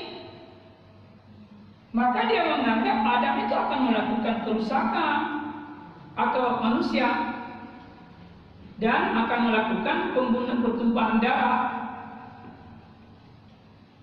Nih, itu yang akan dilakukan karena sisi ini. Nah, karena itu ketika Allah mendengarkan perkataan atau jawaban respon malaikat yang negatif terhadap rencana Tuhan menjadikan manusia sebagai ahli bagi bumi, dia mengatakan ini a'lamu malah ta'lamu. Saya tahu, saya lebih tahu kata Tuhan apa yang kalian tidak tahu wahai malaikat. Apa yang kalian tidak tahu wahai malaikat? Sisi positifnya ada. Nih, sisi positifnya manusia manusia. Apa sisi positifnya manusia? Kemampuan ininya. Kemampuan intelektualnya. Ini sisi itu adalah kemampuan intelektualnya, inteleknya. Maka Allah membuktikan kepada malaikat bahwa manusia itu punya kemampuan intelektual. Maka di situ muncullah wa allama adamal asma wa allama adama adamal asma Allah mengajarkan Adam tentang nama-nama nah, ini hubungannya dengan pembahasan kita Allah mengajarkan nama-nama setelah Allah mengajarkan nama-nama itu Allah bilang tanya malaikat tahu tidak nama-nama itu ternyata malaikat tidak tahu Fa'aradahum alal malaika. Ya kan? Mereka tidak tahu. Maka Tuhan bilang itu lihat. Adam tahu kalau tidak tahu. Kenapa Adam tahu? Karena saya ajarkan. Kenapa kalian tidak tahu? Karena saya tidak ajarkan. Ini kan itu. Jadi makanya malaikat setelah dia ditanya dan dia tidak tahu, lalu Adam menyampaikan dia sadar. Lalu dia berkata, Subhanaka la ilma lana illa ma Dia langsung dia bilang, Subhanaka maha suci engkau ya Allah. Kami tidak punya pengetahuan kecuali yang kau ajarkan. Di sini sebenarnya ada adab bagi orang yang berilmu. Ada adab bagi orang yang berilmu. Adab ini sangat sangat sangat mulia. Apa itu adabnya? sadarilah bahwa apa yang kita tahu itu dari Allah bukan dari kita sendiri. Ini adab-adab luar biasa. Kalau adab ini tidak ada pada orang berilmu maka dia pasti sombong. Kalau adab ini tidak ada pada orang berilmu maka dia pandang enteng orang. Dan ini yang bahaya orang yang berilmu tapi sombong ini bahaya sekali. Ini bahaya sekali. Sama kalau ada orang kaya tapi dia tidak meyakini bahwa kekayaan itu dari Tuhan, maka dia sombong. Sama itu. Dan itu bahaya sekali. Jadi yang paling bahaya di dunia itu ada dua. Kalau dia kaya tapi sombong. Dan kalau dia pintar dan sombong. Kalau ini kerjasama. Nih, ini bahaya sekali kalau ini kerjasama. Lalu dia membuat kekuasaan, ah ini parah sekali. Jadi tiga itu memang kerjasama itu. Orang kaya, orang pintar, pengu, penguasa. Kalau tiga-tiganya ini sombong, oh hancur dunia ini. Siapa buktinya? Itu sudah digambarkan Pak itu dalam Quran. Fir'aun penguasa sombong. Karun orang kaya sombong. Siapa? Haman, ya kan? Siapa ahli intelektualnya, ahli arsiteknya? Haman itu, ahli arsiteknya. Eh, siapa namanya? Fir'aun. Maka dia pernah berkata ke Haman, Haman bikinkan saya tangga untuk melihat Tuhannya Musa. Ya. sudah ada pada realitas kehidupan sosial. Orang pintarnya sudah sombong, orang kayanya sudah sombong, penguasanya sudah sombong, hancurlah itu masyarakat. Gitu. Nah, kalau kita tarik ke dalam masyarakat, tapi kalau kita tarik ke dalam individu kita, nah ini juga sudah hancur kita. Kalau kita sudah bersifat sombong baik karena kekayaan, atau karena ilmu, atau karena keku, kekuasaan yang ada pada diri kita, maka kita sudah menghancurkan diri kita sendiri. Ini penting adab ini. Maka harus kita pahami. Subhanaka ini kalimat dulu. Subhanaka la ilma lana illa ma allamtana. Allamtana. Ini itu sama kalau saya kalimat ini gini. La ilma li illa allamtani. Tidak ada ilmuku kecuali yang engkau ajarkan. Tidak ada sama sekali jenis ilmuku kecuali yang engkau ajarkan. Dan tidak ada sumber ilmu kecuali Allah. La alimah illallah atau la alimah illallah. Tidak ada sumber ilmu kecuali Allah. Nih. Jadi, ah, ketika Allah mengatakan wa allama Al-asma, Allah mengajarkan Adam asma. Nah, pertanyaannya, asma apa? Nama apa yang diajarkan Adam? Ini yang pertama lo diajarkan Allah kepada manusia, asma. Ini diajarkan Allah kepada manusia. Pertama asma. Nama-nama. Pertanyaannya sekarang nama-nama apa? Kira-kira nama-nama apa? Orang cenderung memahami nama-nama benda. Ya kan? Wa 'allama Adam al-asma'a kullah. Nah, nama-nama benda, orang mengatakan nama benda. Nah, benda itu apa? Nah, anggaplah kita telusuri ya. Penafsiran orang kebanyakan ulama-ulama itu yang dimaksud sini nama-nama benda. Nah, benda itu apa? Benda itu al-kaun. Al-kaun itu apa? Al-kaun itu makhluk ciptaan. Jadi nama-nama cipt ciptaan. Nama-nama ciptaan, nama-nama makhluk, nama-nama seluruh yang ada ini. Itu namanya yang diajarkan. Nah sekarang apa?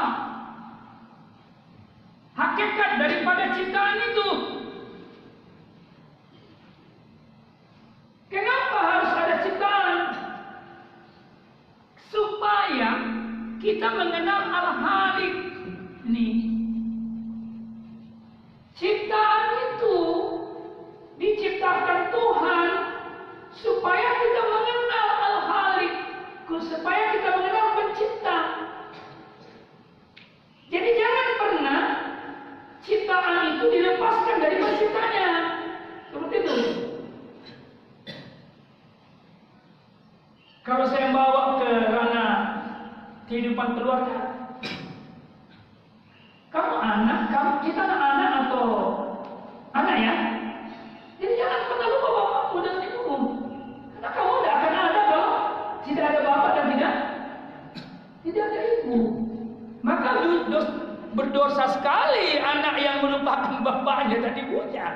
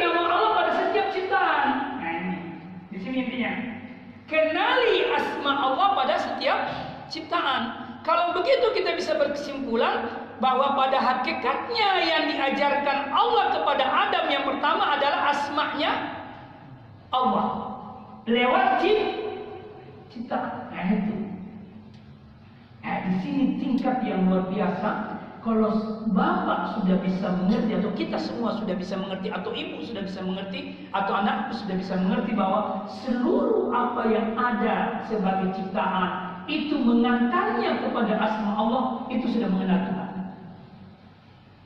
Itu mengenal Tuhan.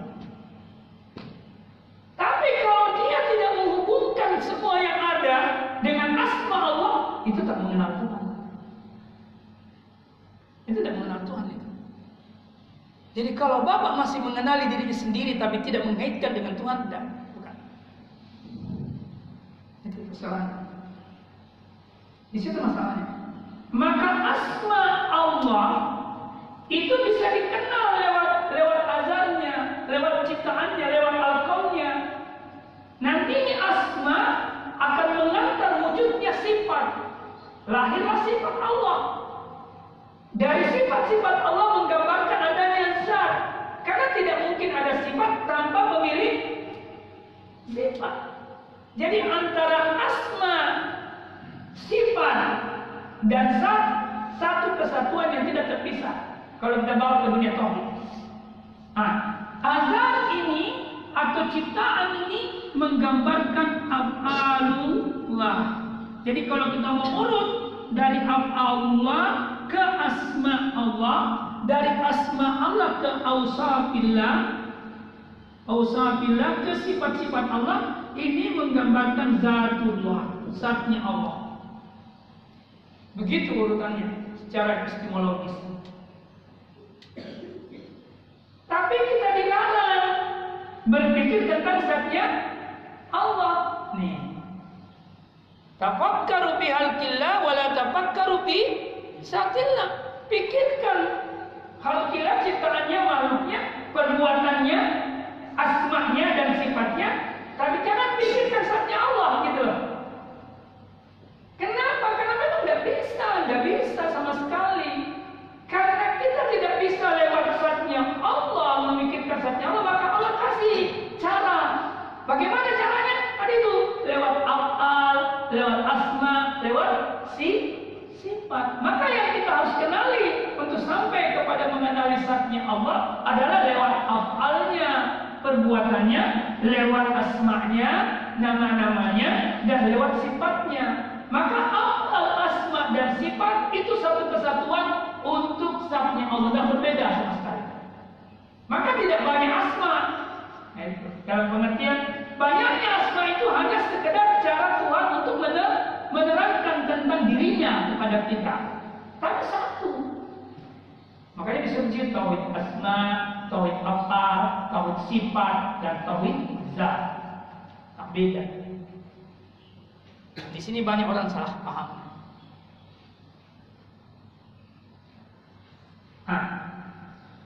Jadi intinya melihat ciptaan, saya tanya kita ini ciptaan atau bukan? Sekarang matanya dalam diri kita, sekuat apa kita melihat diri kita untuk kemudian diri ini menghadap ke Tuhan, itu. Jangan, jangan keluar dari diri, di diri saja. Sekuat apa diri kita ini setelah kita amati, setelah kita cerdas, kita pikirkan, setelah kita lihat, sekuat apa dia mengantar kita kepada Allah. Itu persoalannya. Sayangnya, Bapak sekalian, kalau kita bercermin tentang diri kita, kita hanya melihat sisi ini, sisi zahirnya saja. Enggak mau lihat sisi yang lain. Diri kita kan ada ada ada jasad, ada roh, ada jiwa malah kan seperti itu. Man ada kalimat kan man ini terkenal sekali. Man arafa nafsahu nafsahu makanya arafa rabbahu. Siapa yang mengenali nafsnya, maka dia mengenali Rabbnya. Ini menarik nih. Di sini Allah kalimat ini disebut nafs. Dia mengatakan nafs. Nafs itu bisa berarti jiwa, bisa berarti diri, diri, kediriannya, kepribadiannya. Rabb itu, nah ini yang akan kita lihat. Ismur Rabb. Apa Rabb ini? Sering terjemahkan Tuhan. Nah, secara sepintas kita bisa berkata mengenali diri jalan mengenali Tuhan. Jadi mengenali diri jalan mengenali Tuhan. Mengenali ciptaan jarang mengenali jalan menuju mengenali pencipta. Seperti itu kira-kira. Ini jalan. Ini salah satu jalan. Inilah jalannya suluk. Orang yang melakukan perjalanan menuju Allah. Itu namanya suluk. Asalik. Orang yang melakukan perjalanan menuju Allah untuk mengenali Tuhan namanya asalik. Jalan yang ditempuh atau proses yang itu disebut suluk. Dan kita wajib melakukan suluk. Nih, wajib Bapak melakukan suluk. Jangan pernah hidup tanpa suluk. Hanya orang kafir yang hidup tanpa suluk. Orang yang tidak mengenal Tuhan yang hidup hanya itu hidup tanpa suluk kepada Allah. Contoh, kita disebut apa itu hidup? Apa itu hidup? Al-haya kan? Al-haya itu kehidupan. Kita ini hidup atau tidak? Bapak merasakan hidup? Merasakan? Ya. Sebesar dan selama apa, se sedalam apa Bapak mengenali dirinya bahwa hidup? Nah. Tidak pernah lupa kan bahwa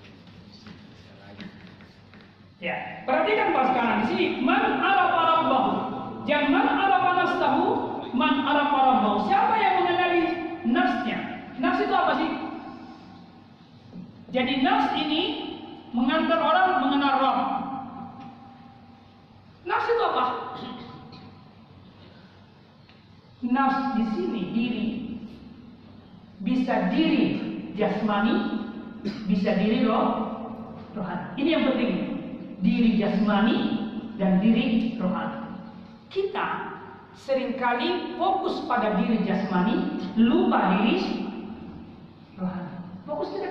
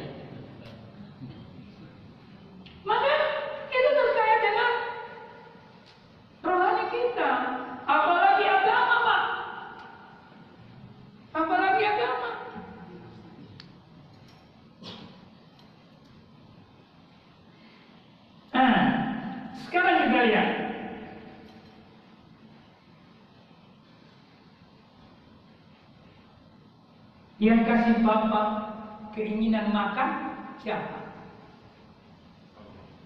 Keinginan minum? Keinginan seks?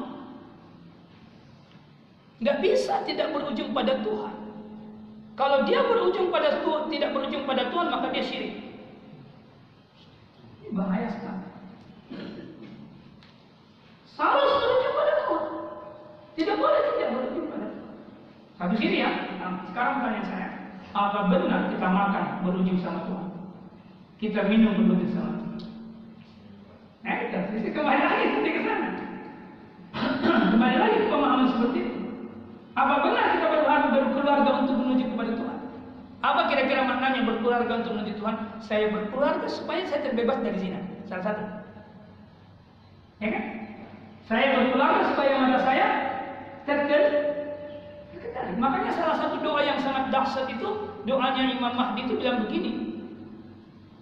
Di situ panjang doanya, salah satu doanya itu Wabdud basari doanya gini. Allahumma rzuqni taufiqa tawa huda wa asya sidqa ni wa lifana kullu wa waqtu nabi huda wa istiqam alsinati bisawati wa hikmah wa amla qulubana bi wa tahfir butuna min al-haram wa butun absarana min al-fujuri wa hiyana Waqtud absarana minal bujur wal hiyana. Ya Allah, tundukkan mata ini pendengar pendengar penglihatan-penglihatanku minal bujur dari dosa-dosa wal hiyana. Maka ketika ada orang yang diberi kemampuan untuk dia mampu mengendalikan pandangan matanya, maka itu diberi rezeki oleh Allah yang besar yang mengerahkan kesehatan. Tapi kan tidak. Yang dianggap rezeki kita adalah ini kan? Yang dianggap rezeki itu ini yang terkait dengan jas jasmani.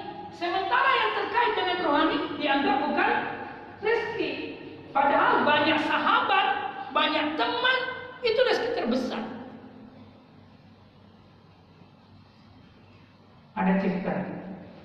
Ada cerita yang menarik. Itu kejadian bukan becak yang taat kepada Allah suatu waktu dia masuk rumah sakit. Lalu biayanya besar. Tapi setelah keluar dari rumah sakit tidak ada satu sen pun yang dia bayar. Siapa yang bayarin orang lain? Apa yang dia katakan? Alhamdulillah.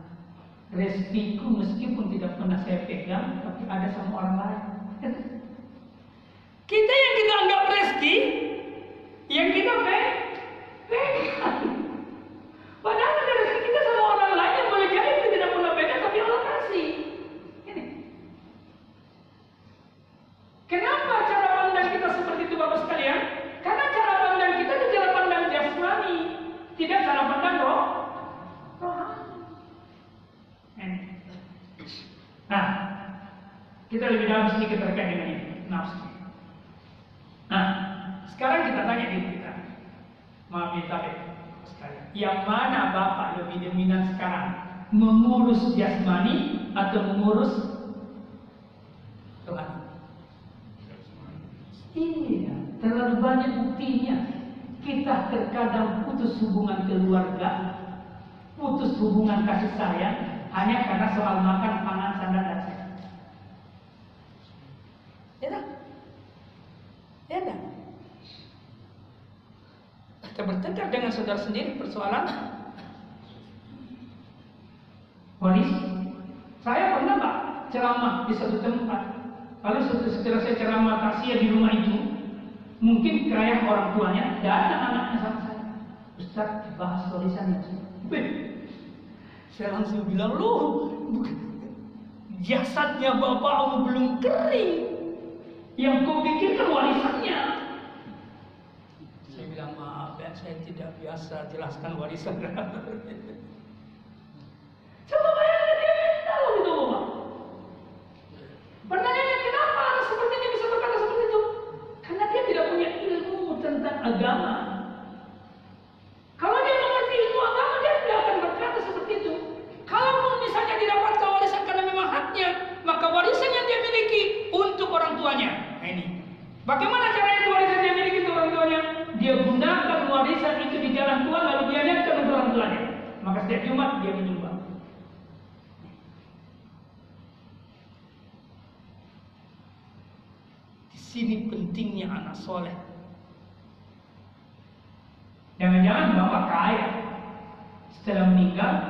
Bapak mempertanggungjawabkan seluruh kekayaan yang Bapak simpan. Tapi yang nikmati orang lain. Pak ninggalin kekayaan sama istri. Istrinya Bapak cantik, nikah lagi. Yang nikmati siapa? Suami barunya. Kalau suami barunya orang soleh, maka dia tidak akan ego. Dia akan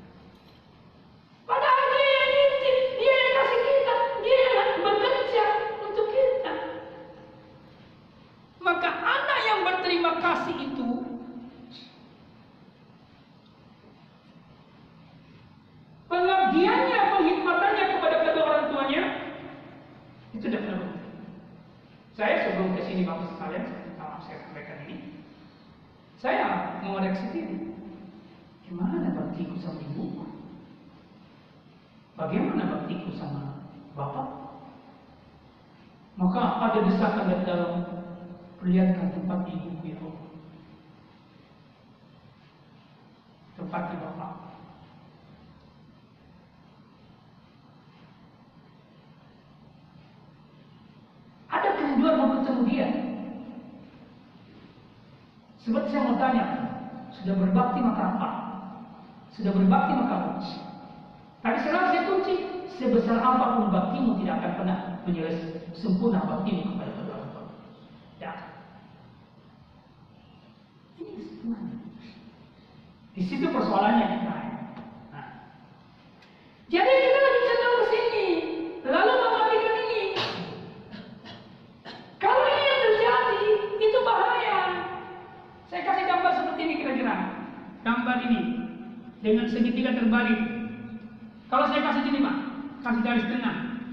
Yang di atas itu jasmani, yang di bawah itu rohani. Yang gambar kedua nanti. Coba lihat. Gambar pertama jasmaninya sempit, rohaninya lu luas. Gambar kedua jasmani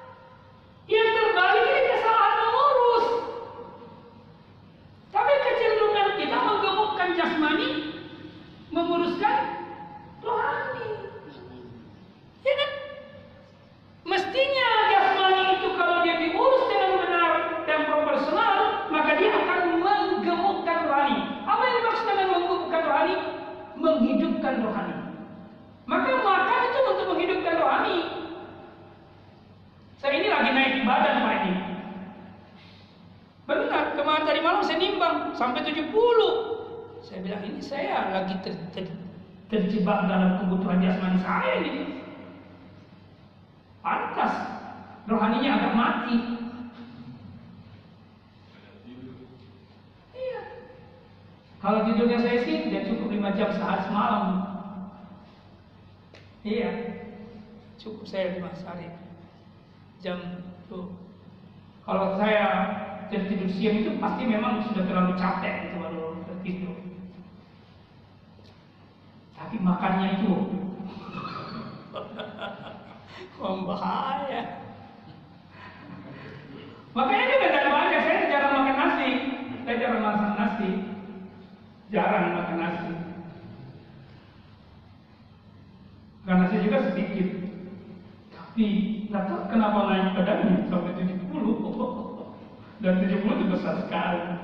Saya pasti dimarahi sama dokter. Karena saya pasien gulanya. Saya bilang, pasti kalau naik badan, kamu ya Makanya sadar,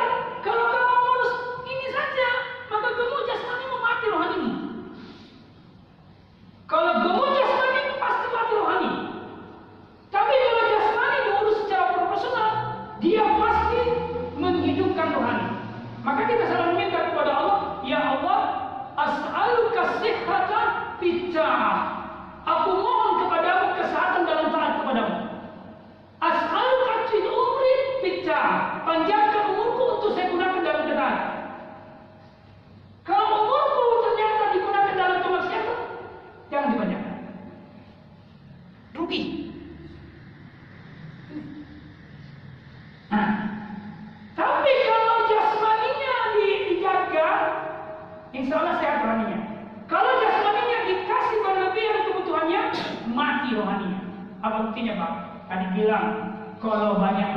pasti banyak tidur.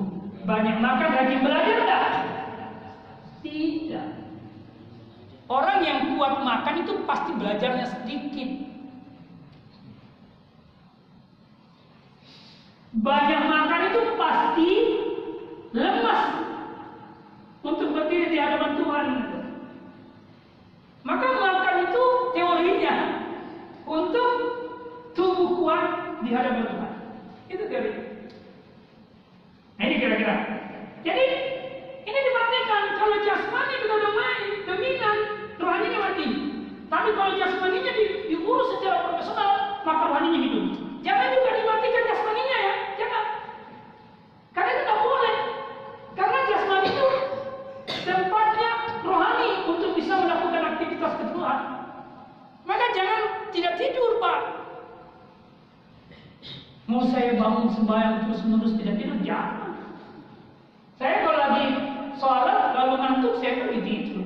Saya tinggalkan sholat saya, saya pergi tidur. Sebentar baru bangun lagi. Jangan paksain, Pak Ustaz.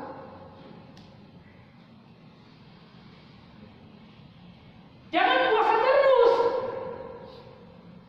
Jangan puasa terus setiap buka-buka. Tak boleh, haram itu.